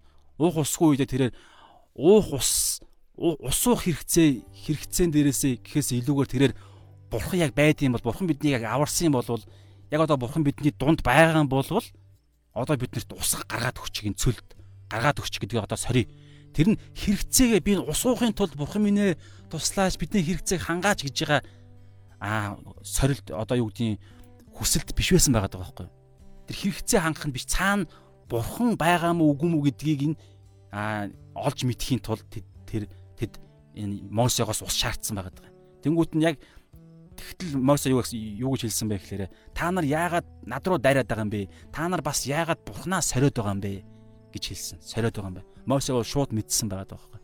Тэгэхээр яг энэ сорилтыг энд явагдсан гэсэн үг. Одоо бүгдээр харъя л да. Есүсийг яасан бэлээ? Өндөр уулан дээр а сүмийн орой дээр аваачаад би бас нэг юу баримт хаалсан манайхаа. Юу вэ гэхээр тэр сүмийн өндөр нь ямар өндөр байсан гэж 150 фит гинэ англиараа бас фит фут буюу а юугаараа метр метрээр болохоор 45 м заяа. 45 м өндөр. Ойролцоогоор 11 давхар байрлагтай ер нь тэнцэхээр ер нь тэр хавцаа. 9 давхраас өндөр гэсэн үг байхгүй юу? Сүмийнх нь өндөр нь. Тэгэхээр тэр өндөр дээр тэгээд тэгээд зогсохгүй болоогүй. Тэр сүм нь биш те а нэг яг сүмийнх нь хашаа хашааных нь доор нь кедроны хөндөй гэдэг нэг тийм хөндөй байд юм ээ. Иерусалимийн тэр хотын сүмийнх нь хашааных нь доогуур байдаг хөндөй явж идэг. Кедроны хөндөй. Тэр кедроны хөндөйгийн хамгийн гүнз хэсэг нь гүнзгий хэсэг нь бас яг тэр өндөр сүмийнх нь яг доор нь байж идэг. Тэгэхээр тэр сүмийн орой дээрээс тэр аа 100 а юу лээ сая би 150 фит буюу ойролцоогоор 45 м өндөр буюу 11 давхар тий 11 давхар байшинтай тэнцвүүс тэм өндөр сүмийнх нь доор нь байгаа тэр гүнзгий кедроны хөндийнх нь хамгийн гүнзгий хэсэг нь буюу тэр нь болохоор бүр өндөр заяа. А 150 гэсэн чинь 450 фит буюу метрээр 45 биш хэд байла. За ингээд та нар бодчихорой. 450 фитийг хувиргаад харах юм бол ямар ч байсан өндөр давхраараа бол 30 хэдэн давхар барилгатай тэнцгээр. Тэгэхээр тийм тийм өндөр өндрөөс доошо өсрөх юм ярьж байгаа. Есүсийг тийм аимшигтай. Тэгэхээр тийшээ өсөр гэж хэлж байгаа байхгүй Есүсийг. Тэгэхээр аа тэгээ энийг болохоор бодиттой байдлаас нь тийм ийм ийм нэг өөр нөхцөл байдлыг бий болгоод тэгээд тэр байдал дээрээсээ та Есүсээ чи бурхны хүн юм бол бурхны үгийг чи сайн бурхны үгээр над руу а хамгааллаа надтай мэтгэлж чинь ч гэдэм үү те. Тийм бол би бас бурхны чинь үгэн дээр чи ингэж байдаг юм аа. Тэг энэ үгийн дагуу бурхныхаа үгээ хэрэгжүүлэл дээ гэд хэлж байгаа. Санаа штэ. Тэр үгэн дээр нь юу хэлж ийнэ гэхээр доошо үсрээ чулуунд хөлөө чулуунд зогчихгүй гэсэндээ бурхан бурхан аавч нь хэрэг үнэхээр бурхан аавч юм уу юм бол тэнгэр иш нартай хамгаалаа чамайг гар дээрээ өргөөд явна штэ. Ингиж бурхан бурхан аавч нэг амлцсан байхад чи үсрэлтэй гэж хэлж байгаа байхгүй. Тэр үед Есүс яасан бэ гэхээр түрүүний нөгөө нэг массагийн тэр сорилтыг гаргаж ирж хэлж байгаа. Зорилго нь үнэхээр Есүс яг цүлд биш яг өндөр орой дээр байгаад ард нь гал шатж байгаад ч гэдэм үү те яг яалчгүй өсрөхөөсөөр аргагүй үсрэхээс өөр аргагүй те нөхцөл байдалд бол нэг ондоо байх магадaltaй. Яг нөгөө масса дээр тэд аман цангаад цангаж байгаа тэр цангаж байгаа мэдрэмжийг хангахын тулд Мосеогоос нэгсэн бол жоохон ондоо. Гэтэл тэд сангаж байгаа хэрэгцээг хангах нь гол зорилго биш. Бурхан байгаа эсхийн шалгахын тулд тэд Мосеогоос ус нэгсэнтэй адилхан энд Есүсийг яа гэж хэлж ийнэ гэхээр өндрөө өсөх тийч өсөх шаардлагагүй байхгүй юу? Тэр газар байгаагүй. Магадгүй тэр хийсвэрээр оюун бодолд нь аваадсан байх. Шууд бодтой аваадсан ч гэсэн тийч өсрөх ямар ч шаардлагагүй. Зүгээр зогсчихт болно. Ард нь сатан түүнийг түлхээгүй. Тэгээ ард нь ингээд нохоо мохоо түүнийг барих гад араатан арслан ирээгүй гал төмөр гараагүй өсрөх шаардлагагүй үед тийг өсөр гэж байгаа. Зорилго нь юу вэ гэхээр би Бурхны хүү үнэхээр муу юм бол Бурхны хүүгэд намайг түрүүн Тэнгэрээс Бурхан аав хэлсэн юм чинь бас шалгах чийл та яг яг Бурхны хүү үнэхээр мөн болвол намайг авна штэ гэдэг тэнд Бурхны хүү мөн эсэгт итгэл итгэл байгаа зү тэр итгэл рүү дайрсан гэсэн үг ерөөхдөө хамгийн чухал. Тэгэхээр энэ үед Есүс юу гэж хариулж байна? Аа тэг түрүүн тэгж хариулсан те. Чи дид хууль дээр 16 дэд хуулийн 6-гийн 16 дээр иш татсан тий. Аа зүг бүлэ харъя. Тэрээр Тэнгэрч нартаа тий. Чи одоо энэ 7 дугаар ишлэлээр Иесус хариулсан. Иесус Бурхан эзнээ бүү сорь гэж байдгаа гэж юм. Бурхан эзнээс хэрэгцээтэй үедээ бүү гоо гэж хэлээгүй шүү дээ. Та нар гоо гэсэн. Яг шаардлага нь хэрэгцээ нь гарсан бол магадгүй өсрөх үед намайг доороос аваарай гэж доороос ингэж яг түрүүний дид хууль дид хуультай биш ээ дуулал 91-р бүлгийн дагуу тэр санаа бол тэ яг хэрэгцээтэй яг шаардлагатай үед үнэхээр тэр аюул дунд нь бол бурхан хамгаална гэсэн санаа байна. Гэхдээ эн чинь өөрөө дуулж яруу найргийн хэллэг. Ерөнхийдөө ямар ч аюулд орсон эзэн хамгаална гэсэн санаа. Гэхдээ бурханы хаанчлалын төлөө түүний зорилгын дагуу явж байгаа нөгөө нэг дид хууль нэгдүгээр дуулал 91-ийн эхний ишлэлтэй эхний хэсгүүд байгаа шүү дээ. Хамгийн дээд нэгний халахвчин дор оршигч төгс хүчт нэгний сүүдэр дор амьдрагч буюу бурхан эзнийхаа доор нь байдаг. Бурханыхаа үгээ мэддэг, бурханыхаа зорилгыг мэддэг. Түүний бурхан яаж амьдраараа, ямар зорилготой бид нар энэ дэлхий дээр амьдарж байгаа тэр бүх зүйлийг мэддэг. Тэгээ бурханы хүсэл төлөвлөгөөний доор байдаг дуулууртай амьдрдаг хүний яг хэрэгцээтэй аюулд аюул бий болох үед түүнийг бурхан хамгаална, гар дээр нь тэнгэр ичнэр нь аваад явнаа. Тухайн яг нөхцөл байдалд нь таарсан авралын ажиллагаагаа хийнэ гэсэн үг.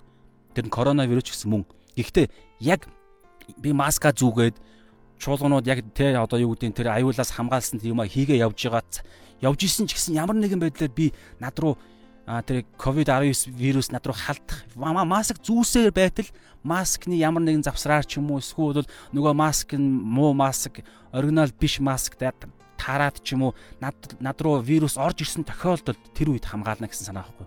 Би өөрсдийнхөө хийх юма хийгээ явж байгаа цагт. Гэтэл энд яаж ийн? Өөртөөсөө хийх юм биш харин бүр ингээд Бурханаас сорж шít. Бурхан яг хамгаалах юм болов? Бурхан яг байдгийн бол би албаар коронавирустэй хүний дэргэд очиод нэг хонё л доо. Тэгээд би яг гарч ирээд 6 удаа шинжилгээгээр оруулахад би ирүүл байх юм бол бурхан байд гэдгийг би үнэхээр батлах надад батлагдах нь байна. Гэх мэтчлэн энэ сорилтуудыг бити хий гэж байгаа байхгүй. Эн чинь баг ихтгэлгүй үний сорилт гэсэн үг. Байдгийм үү гүм үү гэдгийг шалгах хийж байгаа сорилт байгаас. За гэх мэтчлэн хоёр дахь сорилт нь энэ.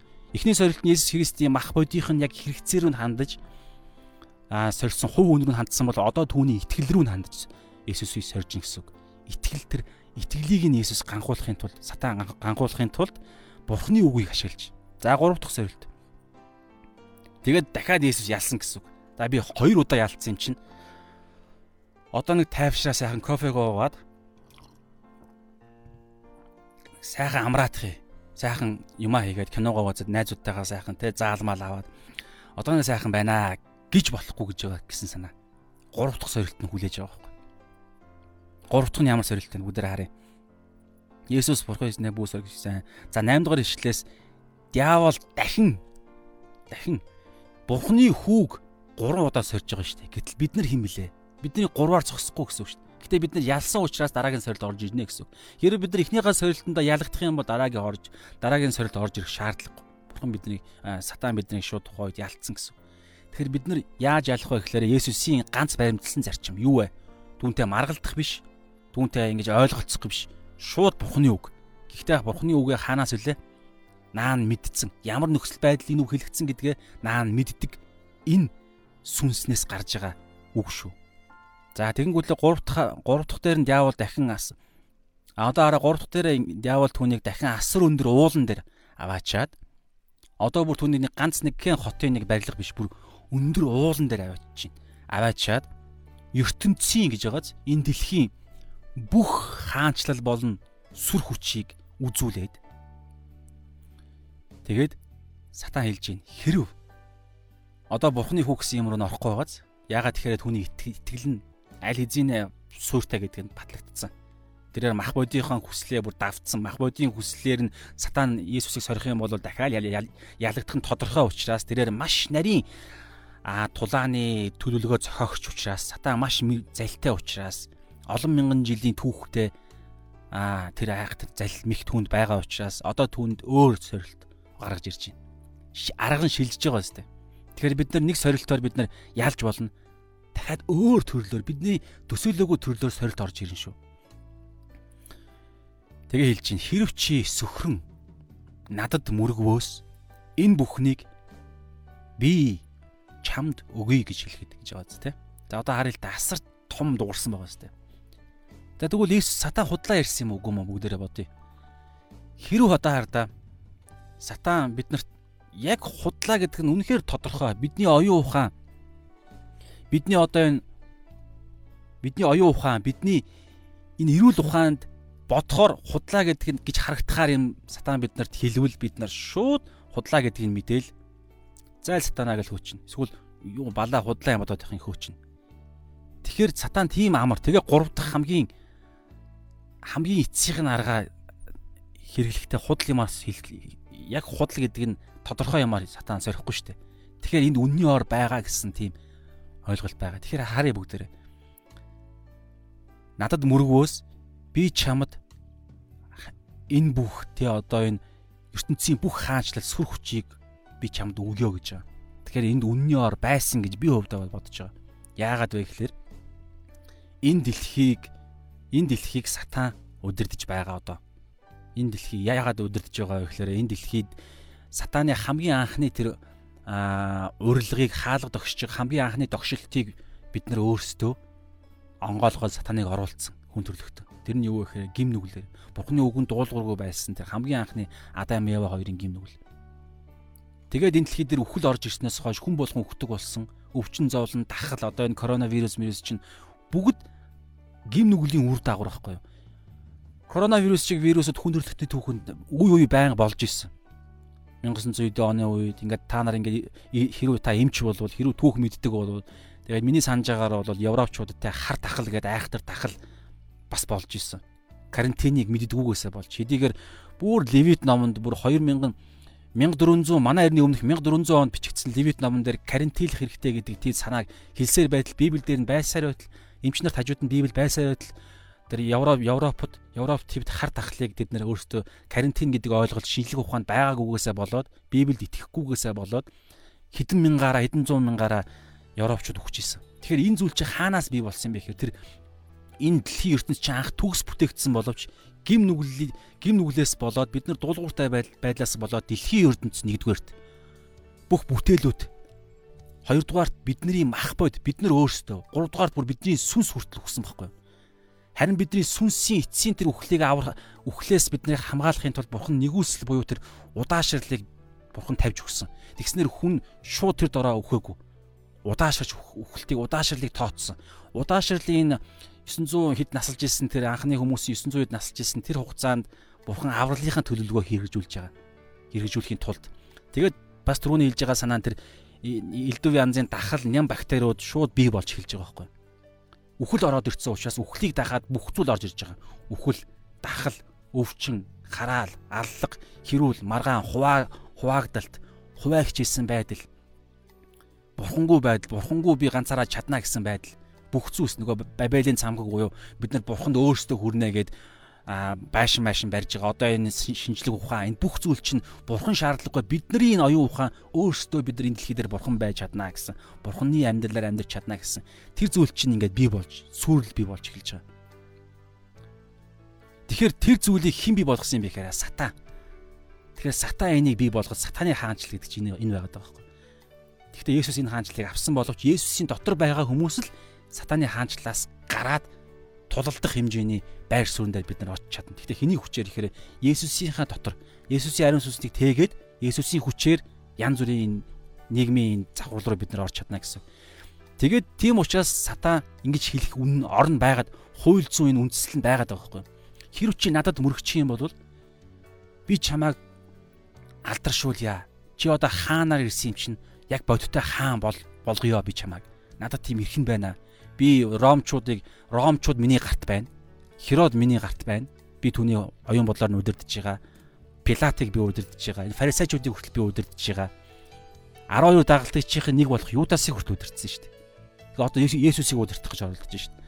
Тэгэхээр ийм юм чинь би ингэж хүмүүсүүдийн оюун ухааныг ингэж удирдах байгаа ингэж утсан хүүхэлтэй эзэн би юм чинь тэднийг би удирдаад чамааг хаан болгоод энэ дэлхийн хаан болгоод бүх зүйлийг чамд өгөё гэдг нь миний бодлоо Есүсийг яг өхөөсөн. Есүс хэрэг мөргсөн болвол. Гэхдээ оронд нь яах байсан бэлээ? Юу алдах байсан бэ?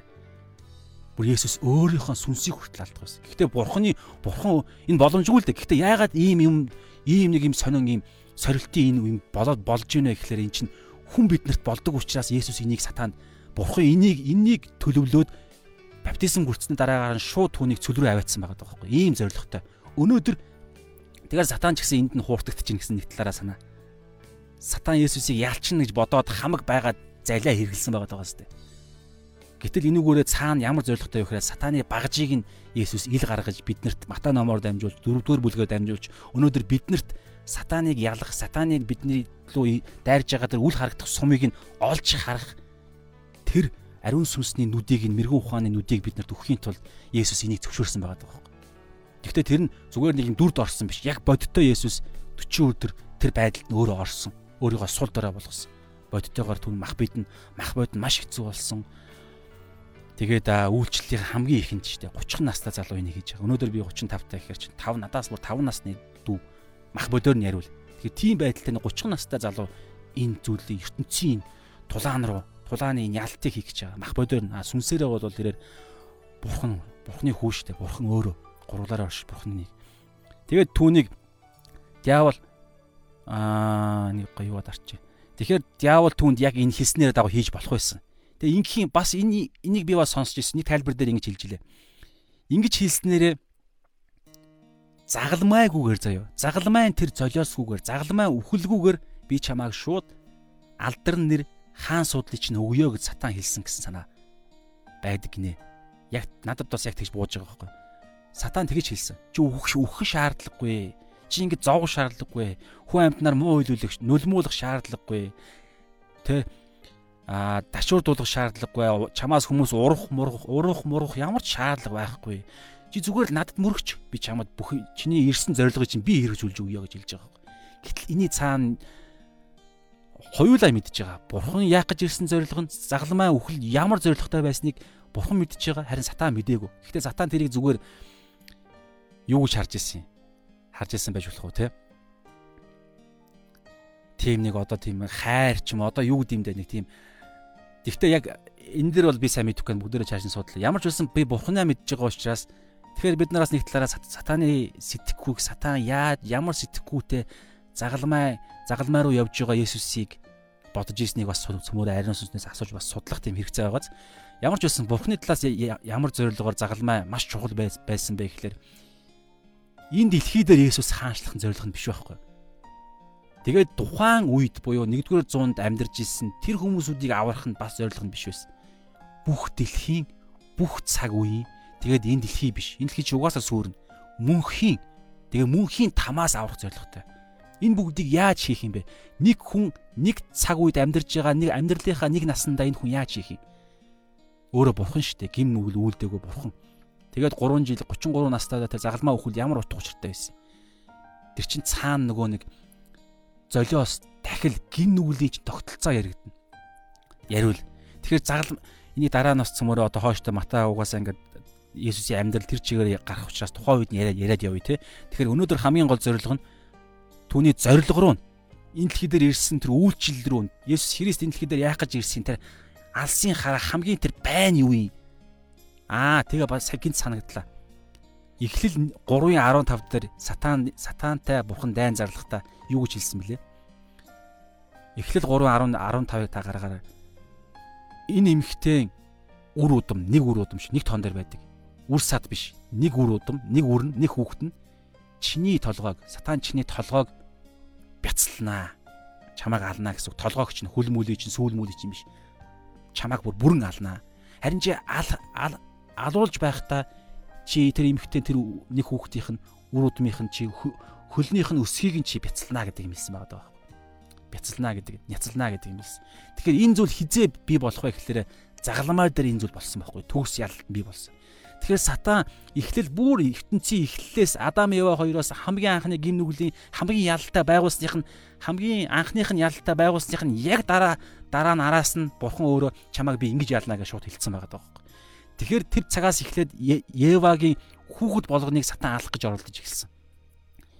Имхтэй яг Евагийн Евагийн буюу Адамын үр үр удмаас гарах юдэ үндэстний нэг үндэстний нэг хүн нэг хүн нь намайг бүрэн ална гэдгийг сатаа мэдчихсэн. Тийм учраас анханасаа эхлээд Бурхны арт түмнийг Бурхны арт түмнийг алах алах тэр дайн сүнслэг дайн эхэлсэн. Тэгээд Кайн Абелийг алсан. Абелийн болов гэж бодоод Кайнаар Абелийг алуулчихсан чи дараа нь яасан бэлээ? Сет сет гараад ирсэн. Тэгээ ингэж яваад ингээд бөө юм болсон алга малга. Тэгээд дэлхийн 2 дугаар дайнд еврейчүүдийг бас сатан германаар Адольф Гитлер дамжуулан алах гэж оролцсон. Бүтээгүү. Тэ? Мэдхгүй одоо ингээд бөө юм болсон үргэлжлүүлээд. Тэгэхээр энэ зүйлийг мэдчихсэн учраас эцсийн бай болох тэр зорилгыг нь сатан зогсоохын тулд яасан бэ гэхээр зүгээр зорилгоос нь өөр нэг юм шууд би өгч зүгээр надад мөрөгч. Надад мөрөх юм бол яах нь бурхнаа бурхандаа бурхныхаа дор байгаа хамгийн дээд нэгний халахвчин дор байгаа тэр халахвчаа алдах байхгүй. Тэгэхээр сатан хүссэн юм а хийж болно гэсэн. Түн Есүсийн сүнсийг нь өөртөө авчих учраас бүрэн ялалтаа хийнэ. Энийг мэдчихсэн, энийг бүр мэдчихсэн учраас ойлгомжтой Есүс аа ялсан. Яаж ялсан бэ гэхээр одоо хардаа Есүс 10 дээр хэлж шít. Нөгөө дэд хуул 6-гийн 13 дээр хэлсэн. За бурхан эзэндээ чи мөргөж зөвхөн түүнд үйлчлээ гэдэг нөгөө нэг шинэ үеийн 40 жилийн дараа болсон шинэ үеийн Израильчуудад Канаанд орохоос өмнө хэлсэн санаа шүү дээ. Олон бэлэн юмнуудыг өгнөө, олон гайхалтай ивэл өрөөл өгнө. Харин та нар зөвхөн бурхан бурхан эзэндээ мөргөж зөвхөн түүнд үйлчлээ. Тэгэх юм бол алдар нэр хүнд ч угаасаа дагалдна, эд хөрөнгө чинь дагалднаа гэсэн санаа.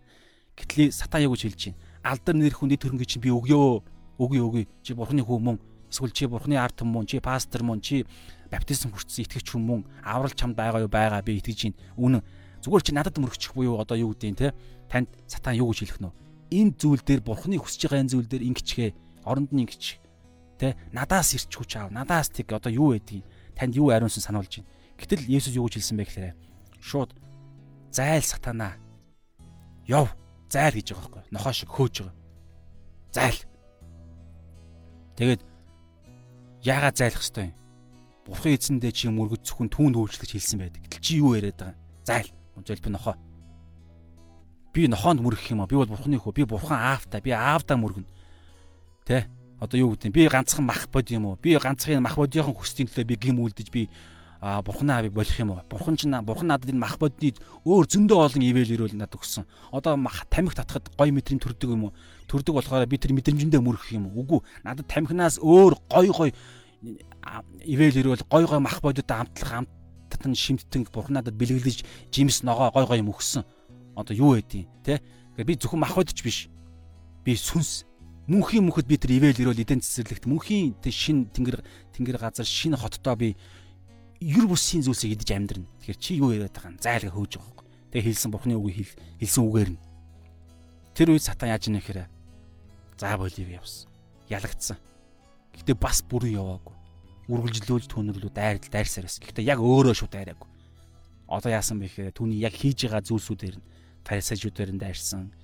Тэгээ янз бүрийн ээжээр нь ч гэсэн янз янз бүрийн зүйлсүүд хилүүлсэн, найз нөхдөөр нь хилүүлсэн, ахан дүүсдээр нь хилүүлсэн өөрсдийнх нь Йохан дээр байдаг штэ. Есүс өөрийнхэндээ ирсэн боловч өөрийнх нь түүнийг хүлээн авсангүй. Яагаад хүлээн аваагүй гэхээр өөрийнх нь өөрийнх нь биш хүнээр тархиа угаалгацсан утсан хүүхэлтэй болоод Есүс рүү дайж ирсэн байгаа даа. Тэгэхээр өөрийнх нь түүнийг хүлээн аваагүй гэсэн. Тэгэхээр энэ зүйлийг хийсэн. Тэгээд тэгээд диавол түүнийг орхиход гинэт тэр дор нь хар та. За би харъя англи дээр юм тийм санаа байгаа тийм. Then devil left him, and behold, angels came and ministered in, in, unto him. За. Then гэсэн санаа байна те. Сатан түүнийг орхиход дараагаар нь тэнгэр элч нар түүн дээр ирээд түүнд үйлчилж эхэлсэн гэсэн. За энэ үйлчлэл дотор юу болсон байс болсон байж болох вэ? Есүс үүсчихсэн шүү дээ. Есүсийн үүсгэлэнгийн Есүс бурхан өөрөө хангасан. Тэ? түүний итгэл итгэлийг нь бат бөх байгаа боловч хэдийгээр ядарсан сэтгэл санааг нь тэнгэрлэгч нартай олон олон гой гайхалтай бурхныхаа үгээрээ сэргээж түүн дахиад а түүнтэй аюун ухаанд нь харилцсан байх. Тэгэхээр би бас нэг зүйлийг сонссон юм байна. Нэлээд удаа явж байгаа шиг өнөд их тийм. За ерөнхийдөө өнөөдөр ингээ өндөрлж байгаа. Тэгэхээр бүгдээрээ хамтдаа а энэ цаг мөчид а дахиад нэг би юм хэлээд хэлээд тэгээд бүгдээрээ дүгнээд өнөөдрийнхээ цагийг залбирлаар өндөрлөе те. За би бас нэг юм сансан 40 өдрийн талаар 49 тооны талаар нэг үе байгаад байгаа тий. Тэгэхээр аа Мосе а Израиль ард түмэн Египтэд 400 жил. За 4 гэсэн тоо. За тэр яах вэ? 430 хавцаа 400 жил дараа гарч ирээд 40 жил 40 жилийн тэнүүчлэл донд амьдарсан. Мосегийн яам 40 жилийн аа аялал Израильчүүдийн аялал гэдэг. Тэгээд 40 жилийн дараа соригдсон гинэ аа те би ингэж ийм тайлбар сонссон юм байна. Мосе бол Мосегоор өдөрдүүлсэн Израильчүүдийн Израильчууд 40 жилийн одоо тэр шалгалтын дараа 40 жилийнхэн дараа яг амлагдсан газараа орох тэр алсын зорилгодоо орохоос яг өмнө соригдсон. Сорилт бий болсон байгаа. Яг танаа санаж байгаа бол нөгөө нэг 12 12 юу хэлгээд нь штэ 12 тагнуулыг хэлгээгээ тэгээ тэнд бөө юм болж молоо тэгээд дараагаар тэнд бурхан тэднийг шийтгдэг нэг тийм байгаа. Тэнд нэг сорилт болсон. Дараагаар нь өөр хаан вэ? Аа Ноагийн үед 40 өдөр 40 шин бороо орсон дараа бас нэг сорилт болсон болсон гинэ. Тэрийг би санахгүй байгаа. Тэгээд судлаа та олж мэдэрээ. Бас өөр хаан вэ? Давид дээр бас гинэ. Давид дээр бас Голиат те Голиат Филистичүүдийн тэр нэг өндөр дайчин Голиат 40 өдөр 40 шин Израильчуудыг бурхан эзнийг нь доромжилсан хараас. Тэгээ 40 жил 40 өдөр 40 шөнийн дараа бурхны ард түмний цэргүүд нь чадахгүй байхад Давид гарч иж бурхан эзнийхээ нэрээр тулалдаж сатаныг чулуугаар цохиж Голиотыг алаад тэгээд зевсгээр хоёр талтай эртээ бухны үг гэдэг байгаа шүү дээ. Тэгээд бухны үгээр гэж баг илэрхийлж болно. Зевсгээ зевсгээр толгойг нь тас авцсан байгаа байхгүй. Голиатын толгой. Тэгээд Филист Филистчүүдэд харуулсан. Бурхан эзнийхээ нэрийг тунхаглаж харуулсан. Гэх мэтчлэн зүйлсүүд бол болсон байгаа байхгүй. Тэгэхээр 40 өдрийн дараа буюу тэр нэг юм аа тэ одоо юу гэдэг тэр нэг юм аа нэг бурхны таны амьдрал товлсон төлөвлөсөн нэг юм хугацааны дараа нь сорилт ирсэн байгаа. За энэ яах вэ? За өнөөдрийн гол санаа бол ерөнхийдөө энэ. Тэгэхээр бүгдээр хамтдаа гяс дүгнэе. Аа би сая дунд нь бичих зүйлээ бичээгүй учраас одоо эхнээс нь хараад гурван гурван сорилт байгаа шүү дээ. Эхний сорилт нь юу вэ?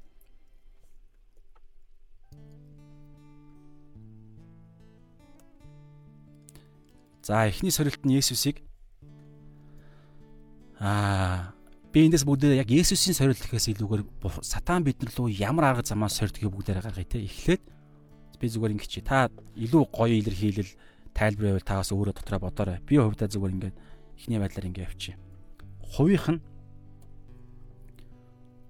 хувийн мах бодийн хэрэгцээгээр нь заяа. Мах бодийн хэрэгцээгээр ирэх сорилт гэж. Тэгээ одоо хардаа би сорилт гэдэг та санаж байгаа бол мэддэг хүмүүс мэдж байгаа хтээс хоёр төрлийн одоо энэ нэг юм шалгалтанд орж байгаа процесс байгаа шүү. Нэг нь болохоор бурхнаас ирж байгаа аа за сорилт монгол хэлэнд яг сорилт гэж явчих л да. Сорилт шалгалт байгаа. Шалгалт юм байна. Бурхнаас ирж байгаа шалгалт гэж байна. А хоёр дахь нь гим нүглийн сорилт гэж байгаа шүү. Тэгэхээр энд бол ерөнхийдөө сатан гуруулан дээр нь гим нүгэл үйлдүүлэх гэж оролцсон Есүсийг гим нүгэл. Гэхдээ Есүс өөрөө гимгүү байсан, өөрөө Бурхны хүү байсан учраас Бурхан энэ энэ үед зөвшөөрсөн байгаа. Аа харин бусад тохиолдолд та нар нэг зүйлийг маш сайн ойлгоорой. Бурхан хизээч биднийг гим нүглийн сорилтоор сордөггүй. Бурхан харин зөвхөн итгэлийн тэр шалгалтыг бид нар зөвшөөрдөг. Тэр нь биднийг улам илүү хүчтэй болохын тулд харин гим нүглийн сорилтыг Бурхан зөвшөөрдөггүй. Харин бид нар өөрсдөө энэ сонгох эрх чөлөөгөөрөө бид нар тэгээд сул дорой махбодийнхоо энэ сул дорой байдлаасаа болж бид нар гим нүглийн сорилтонд ундаг. А сорилт бол угаасаа ирнэ. Есүс дээр ч гэсэн ирсэн. Гим нүглийнх ч аль нь ч вэ. А гим нүглийнх нь ирнэ. Харин бид нар тэр сорилтонд унахгүй байх боломж нь бол биднэрт байд. Эрх чөлөө нь биднэрт өгөгдсөн. Хүч буюу ариун сүнс биднэрт өгөгдсөн.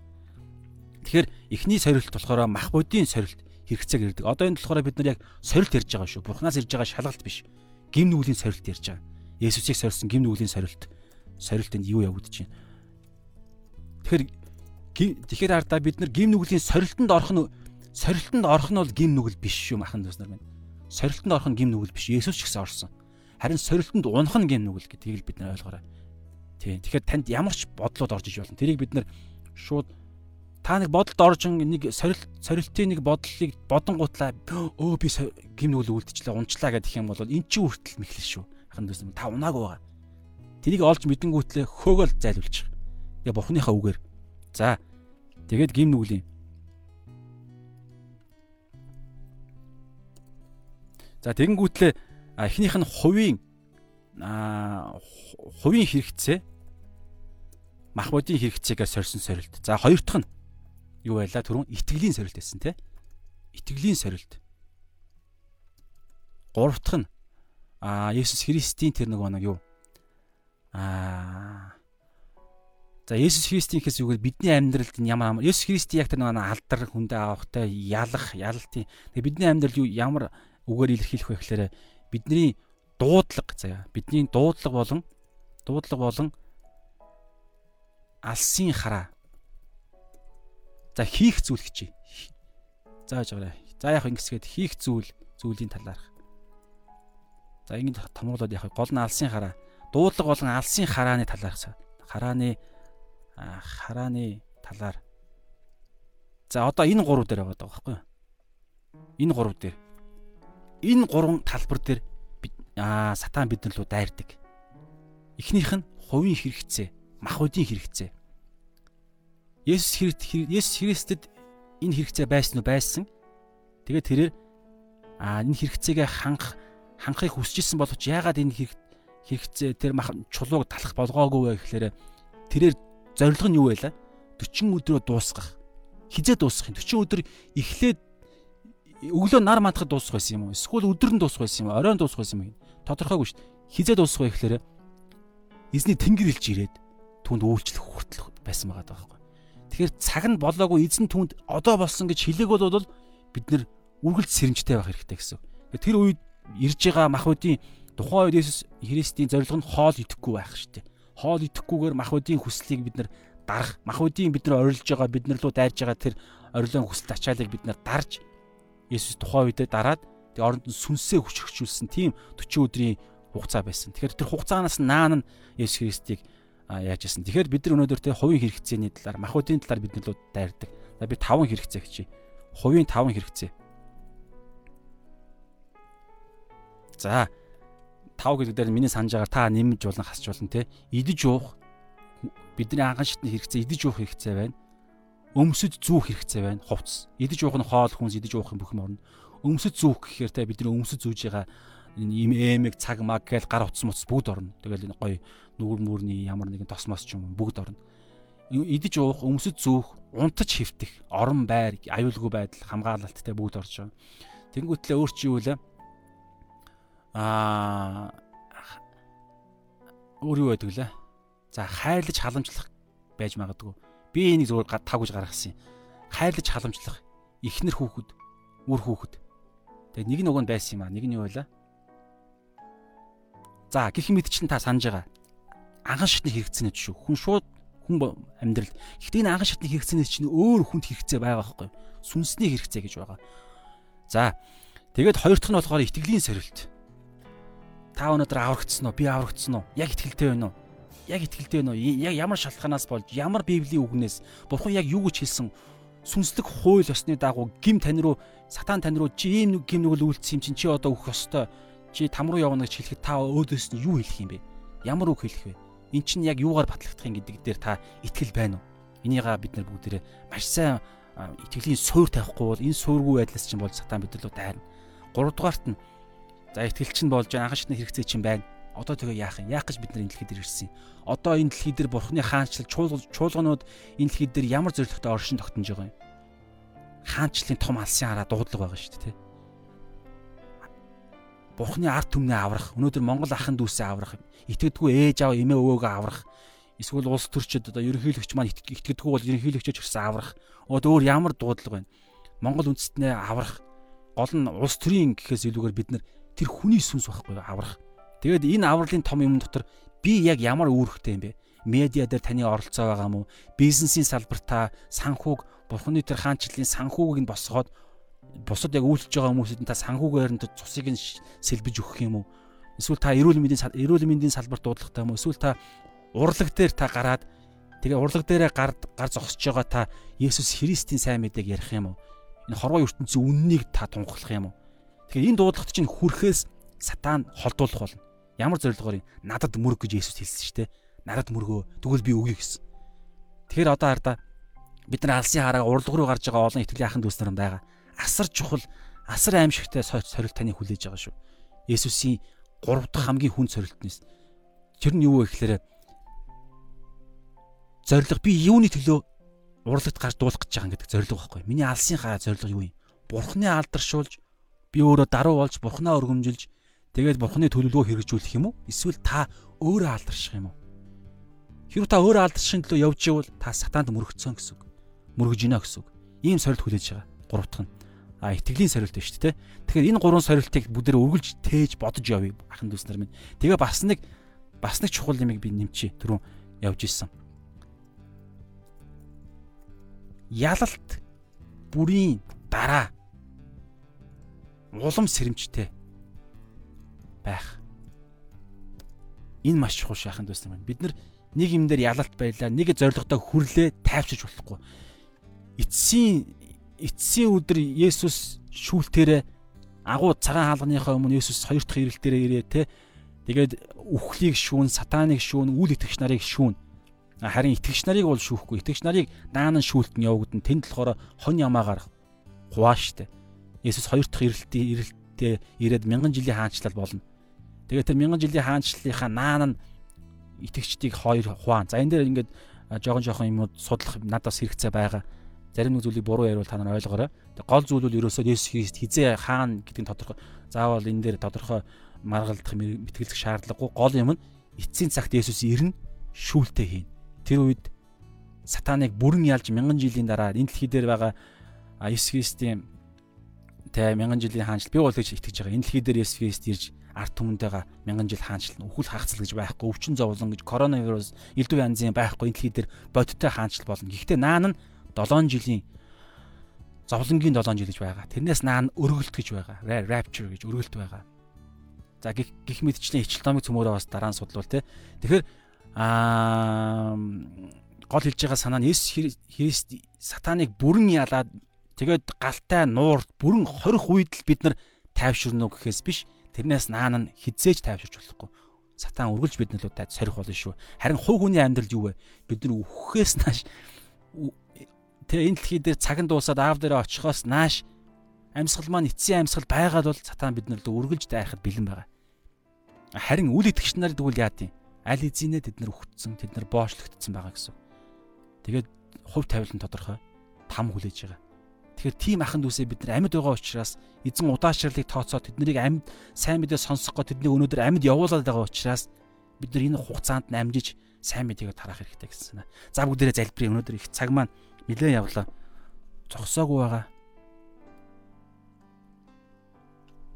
Явж л байгаа шүү. За бүгдээ залбирая. Саяны энэ гурван өнөөдрийн цагаар гурван энэ сатаны за гурвч хэдэж бай те. Бүгдээ энэ энэ юу бодоод энэ сатаны галт сумыг бодоод тэгээд хэрхэн яаж ялсан арга буюу үгээр үгээр ялсан. Гэхдээ үгээр ялахдаа яг англи дээр бол context гэж байгаа. Context гэдэг яг хам сэдв энэ яг илүү биднэрт ойлгомжтойгоор ямар хиллэг вэ хиллэг вэ гэхэлэр яг нөхцөл байдал байхгүй. Яг нөхцөл байдалд нь тохирсон үгээр нь. За би нэг ганц ариун сүн сануулж байгаагаар ганц юм хэлье. Манай библийн сургууль сурч байхад манай багш маань хэлж ирсэн. Хам сэдвийн талаар нэг тодорхой сайн хайртай шүү гэдэг үг вэ штэ. Хайртай шүү гэдэг үг цаасан дээр байлаа гэж бодъё л доо. Эсвэл нэг хүн хэллээ гэж бодъё. Хайртай шүү гэдэг би чамд хайртай гэдэг энэ үг вэ штэ. Маш гоё үг. Тэ? би чамд хайртай гэдэг үг. Гэтэл энэ үг ямар хам сэдвээс хинээс хинд яаж ямар нөхцөл байдал хилэгдснээс хамаарч утга санаа нь өөрчлөгддөг гэж байгаа байхгүй. Яг энтэй адилхан Библийн ишлүүд бид нар яг ямар үед хилэгдсэнийг нь ойлгоод яг тэр үед нь хилэгдсэн тэр л яг тэр үеэс нь болж тухайн үг яг тийм утга санаатай гэдгийг. Одоо жишээ нь хараа эхнэр хүн эхнэр нөхөр нь ажил дээр байхад эхнэр нь нөхөр лугаа а утсаар ч юм уу эсвэл захиагаар ч юм уу чатаар ч юм уу те би чамд хайртай гэж бичихэд нөхөр нь тэр үгийг сонсоод би одоо энэ эхлэх гээд байгаа санаа тэр библийн ишлэлийг харангуутлаа хинээс ирж байгаа би мэдлээ? Ямар нөхцөл байдал буюу би энэ хүнтэй суусан гэдгээ мэдж байгаа. Энэ хүн маань амьд байгаа гэж мэдж байгаа те. Хэрэг өгцөн байгаад нас барцсан байгаа тэр хүнээс ирж игэл янаа сүнс мүнс гэж янз янз бодож магадгүй те. Гэхдээ гол нь тэр нөхцөл байдлаа мэдж байгаа учраас уншин гутлаа аа эхнэрийнхэн хайрыг мэдэрнэ. Эхнэрийнхэн дүр нь бодогдно гэд тэр хам сэдв байхгүй. Харин шоронд байхад шоронд байхад би одоо жишээ нь жишээ жишээ нь би ингээд гим үлдээ шоронд орлоо гэж бодъё. Тэгэнгүүтэл а нэг бадруу нэг нэг шоронгийн нэг гар би чам тайртай. Эсвэл одоо юу гэдэг нь те? Би чам тайртай. Хайртай. Одоо юу гэж хэлэх вэ те? Тэр яг тэр хүмүүсүүдийг мэддэг хүмүүс л мэдж байгаа. Тэгж хэлэхэд тэр үгний цаана утга нь юу болдог вэ? Бид нар мэдж байгаа те. Энэ хүнийг одоо нөгөө нэг тийм муухай хэллэг байгаа шүү дээ. Янз бүрийн хэллэг. Энэ хүнийг энэ шин гарыг, шин хоригдлыг би эвгүй байдалд оруулна. Энийг би хүслээ хангана. Энэ хүнийг би оногоонд оруулна. Ир хүнийг нь ир хүн байхыг болиулна. Хүчинд нь гэсэн санаа дээ. Шууд хэлээ те. Хүчинд нэ гэсэн. Ир хүн ир хүний хүчинд гэдэг шүү дээ. Нөгөө нь ижил хүйсний үйл явдал болно гэсэн. Эмхтэн хүн шоронд байхгүй учраас. Тэгэхээр хардаа энэ ямар сэдв сэдвүүд хэлэгдсэн бэ гэдгээс хамаарж үгний үг нь адилхан мөртлөө утга нь өөр байгаа сте. Тэгэхээр сата яг ингэж бид нар лөө Библийг чэйдэлсэн байж болно. Гэхдээ утга яг ямар нөхцөл байдал хэлэгдсэнийг нь бид нар мэдэхгүй бол бид нар лөө ингэж биднийг мэхэлнэ гэсэн үг. Үр дүнд нь яах юм? Би аюул руу орох байхгүй. Би аюул би гим үлдэн аюултай болно гэсэн. Тэгэхээр бүгдээрээ хамтдаа энэ сэдвийг барай залбирая.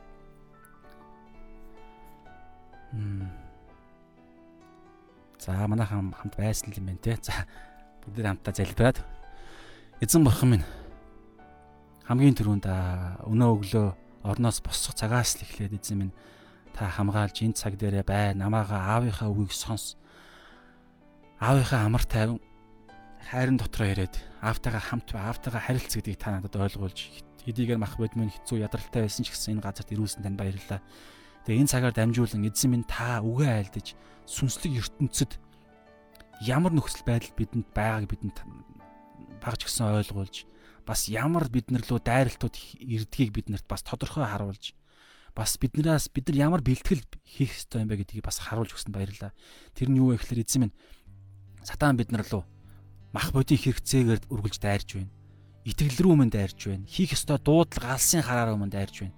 Яг л Есүсийг цөл 3 өдрийн дараалсан дайралтыг хийсэн шиг Тэгээ эзэн минь бид нар нэг удаа яалж болно. Гэтэл араас нь дахиад өөр хэлбэрээр өөр илүү хүнд хэлбэрээр дайрах гэд хүлээж байгаа гэдгийг энэ үннийг бас бид нар ойлголоо эзэн минь. Тэгээ эзэн энэ бүгдийг яаж дарах давж гарах юм бэ? Бид нар ухаантай байснараа биш. Бид нар ариун олон мундаг үйлчлэлтэй байснараа биш. Харин эзэн минь энэ бол зөвхөн таны үг гэдгийг бид нар Есүс эзэн та өөрийнхөө тэр 40 өдрийн тэр хүн хэцүү байдал тэр тулаан донд орснараа бидэнд харуулсан учраас танд талархъя.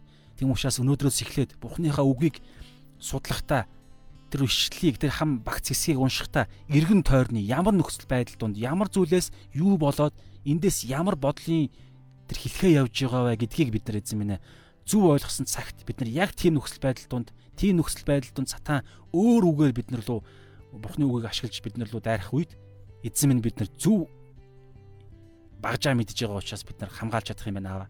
Эзэн минь энэ цагийг таваас өрөөж хамгаалж өгөөрэй эзэн минь маргаашийн цаг дээр ч гэсэн та хамт байж өгөөрэй. Эзэн минь энд байгаа сонсож байгаа мөн дараа нь дахиж сонсох хүмүүс ч гэсэн дараа нь гарч ирнэ. Тэгэхээр сонсох хүмүүс маань эзэн минь гим нүглийн энэ олон сорилт дунд даван гарахтаа хүчийг өгөөрэй эзэн. Би бинэ шүүхгүй байхад туслаарай эзэн минь. Бас шүүх ямар нэгэн буруу зүйлийг миний амнаас гарсан бол та уучлж өршөөж та хамгаалж өгөөрэй. Хин нэгний бүдрүүлэхээс та хамгаалж өгөөрэй хэмээн Есүсийн нэрээр залбирч байна. Амен. За энэ цагийн төлөө талархъя. Тэгээ маргаашийн цаг дээр дахин уулзтлаа баяртай. Аа тий, ерөнхийдөө тийм байна. За шалаа махан туснаар байна. Хаанчлалын төлөө үргэлжлүүлэн эзнийхээ оршихуй дотор үргэлжлүүлэн амарцгаая. Шалом гэдэг бол амар тайван шүү. Есүс үргэлж ингэж мэндэлдэг байсан. Шалом, амар тайван танд байх болтугай. За шалом.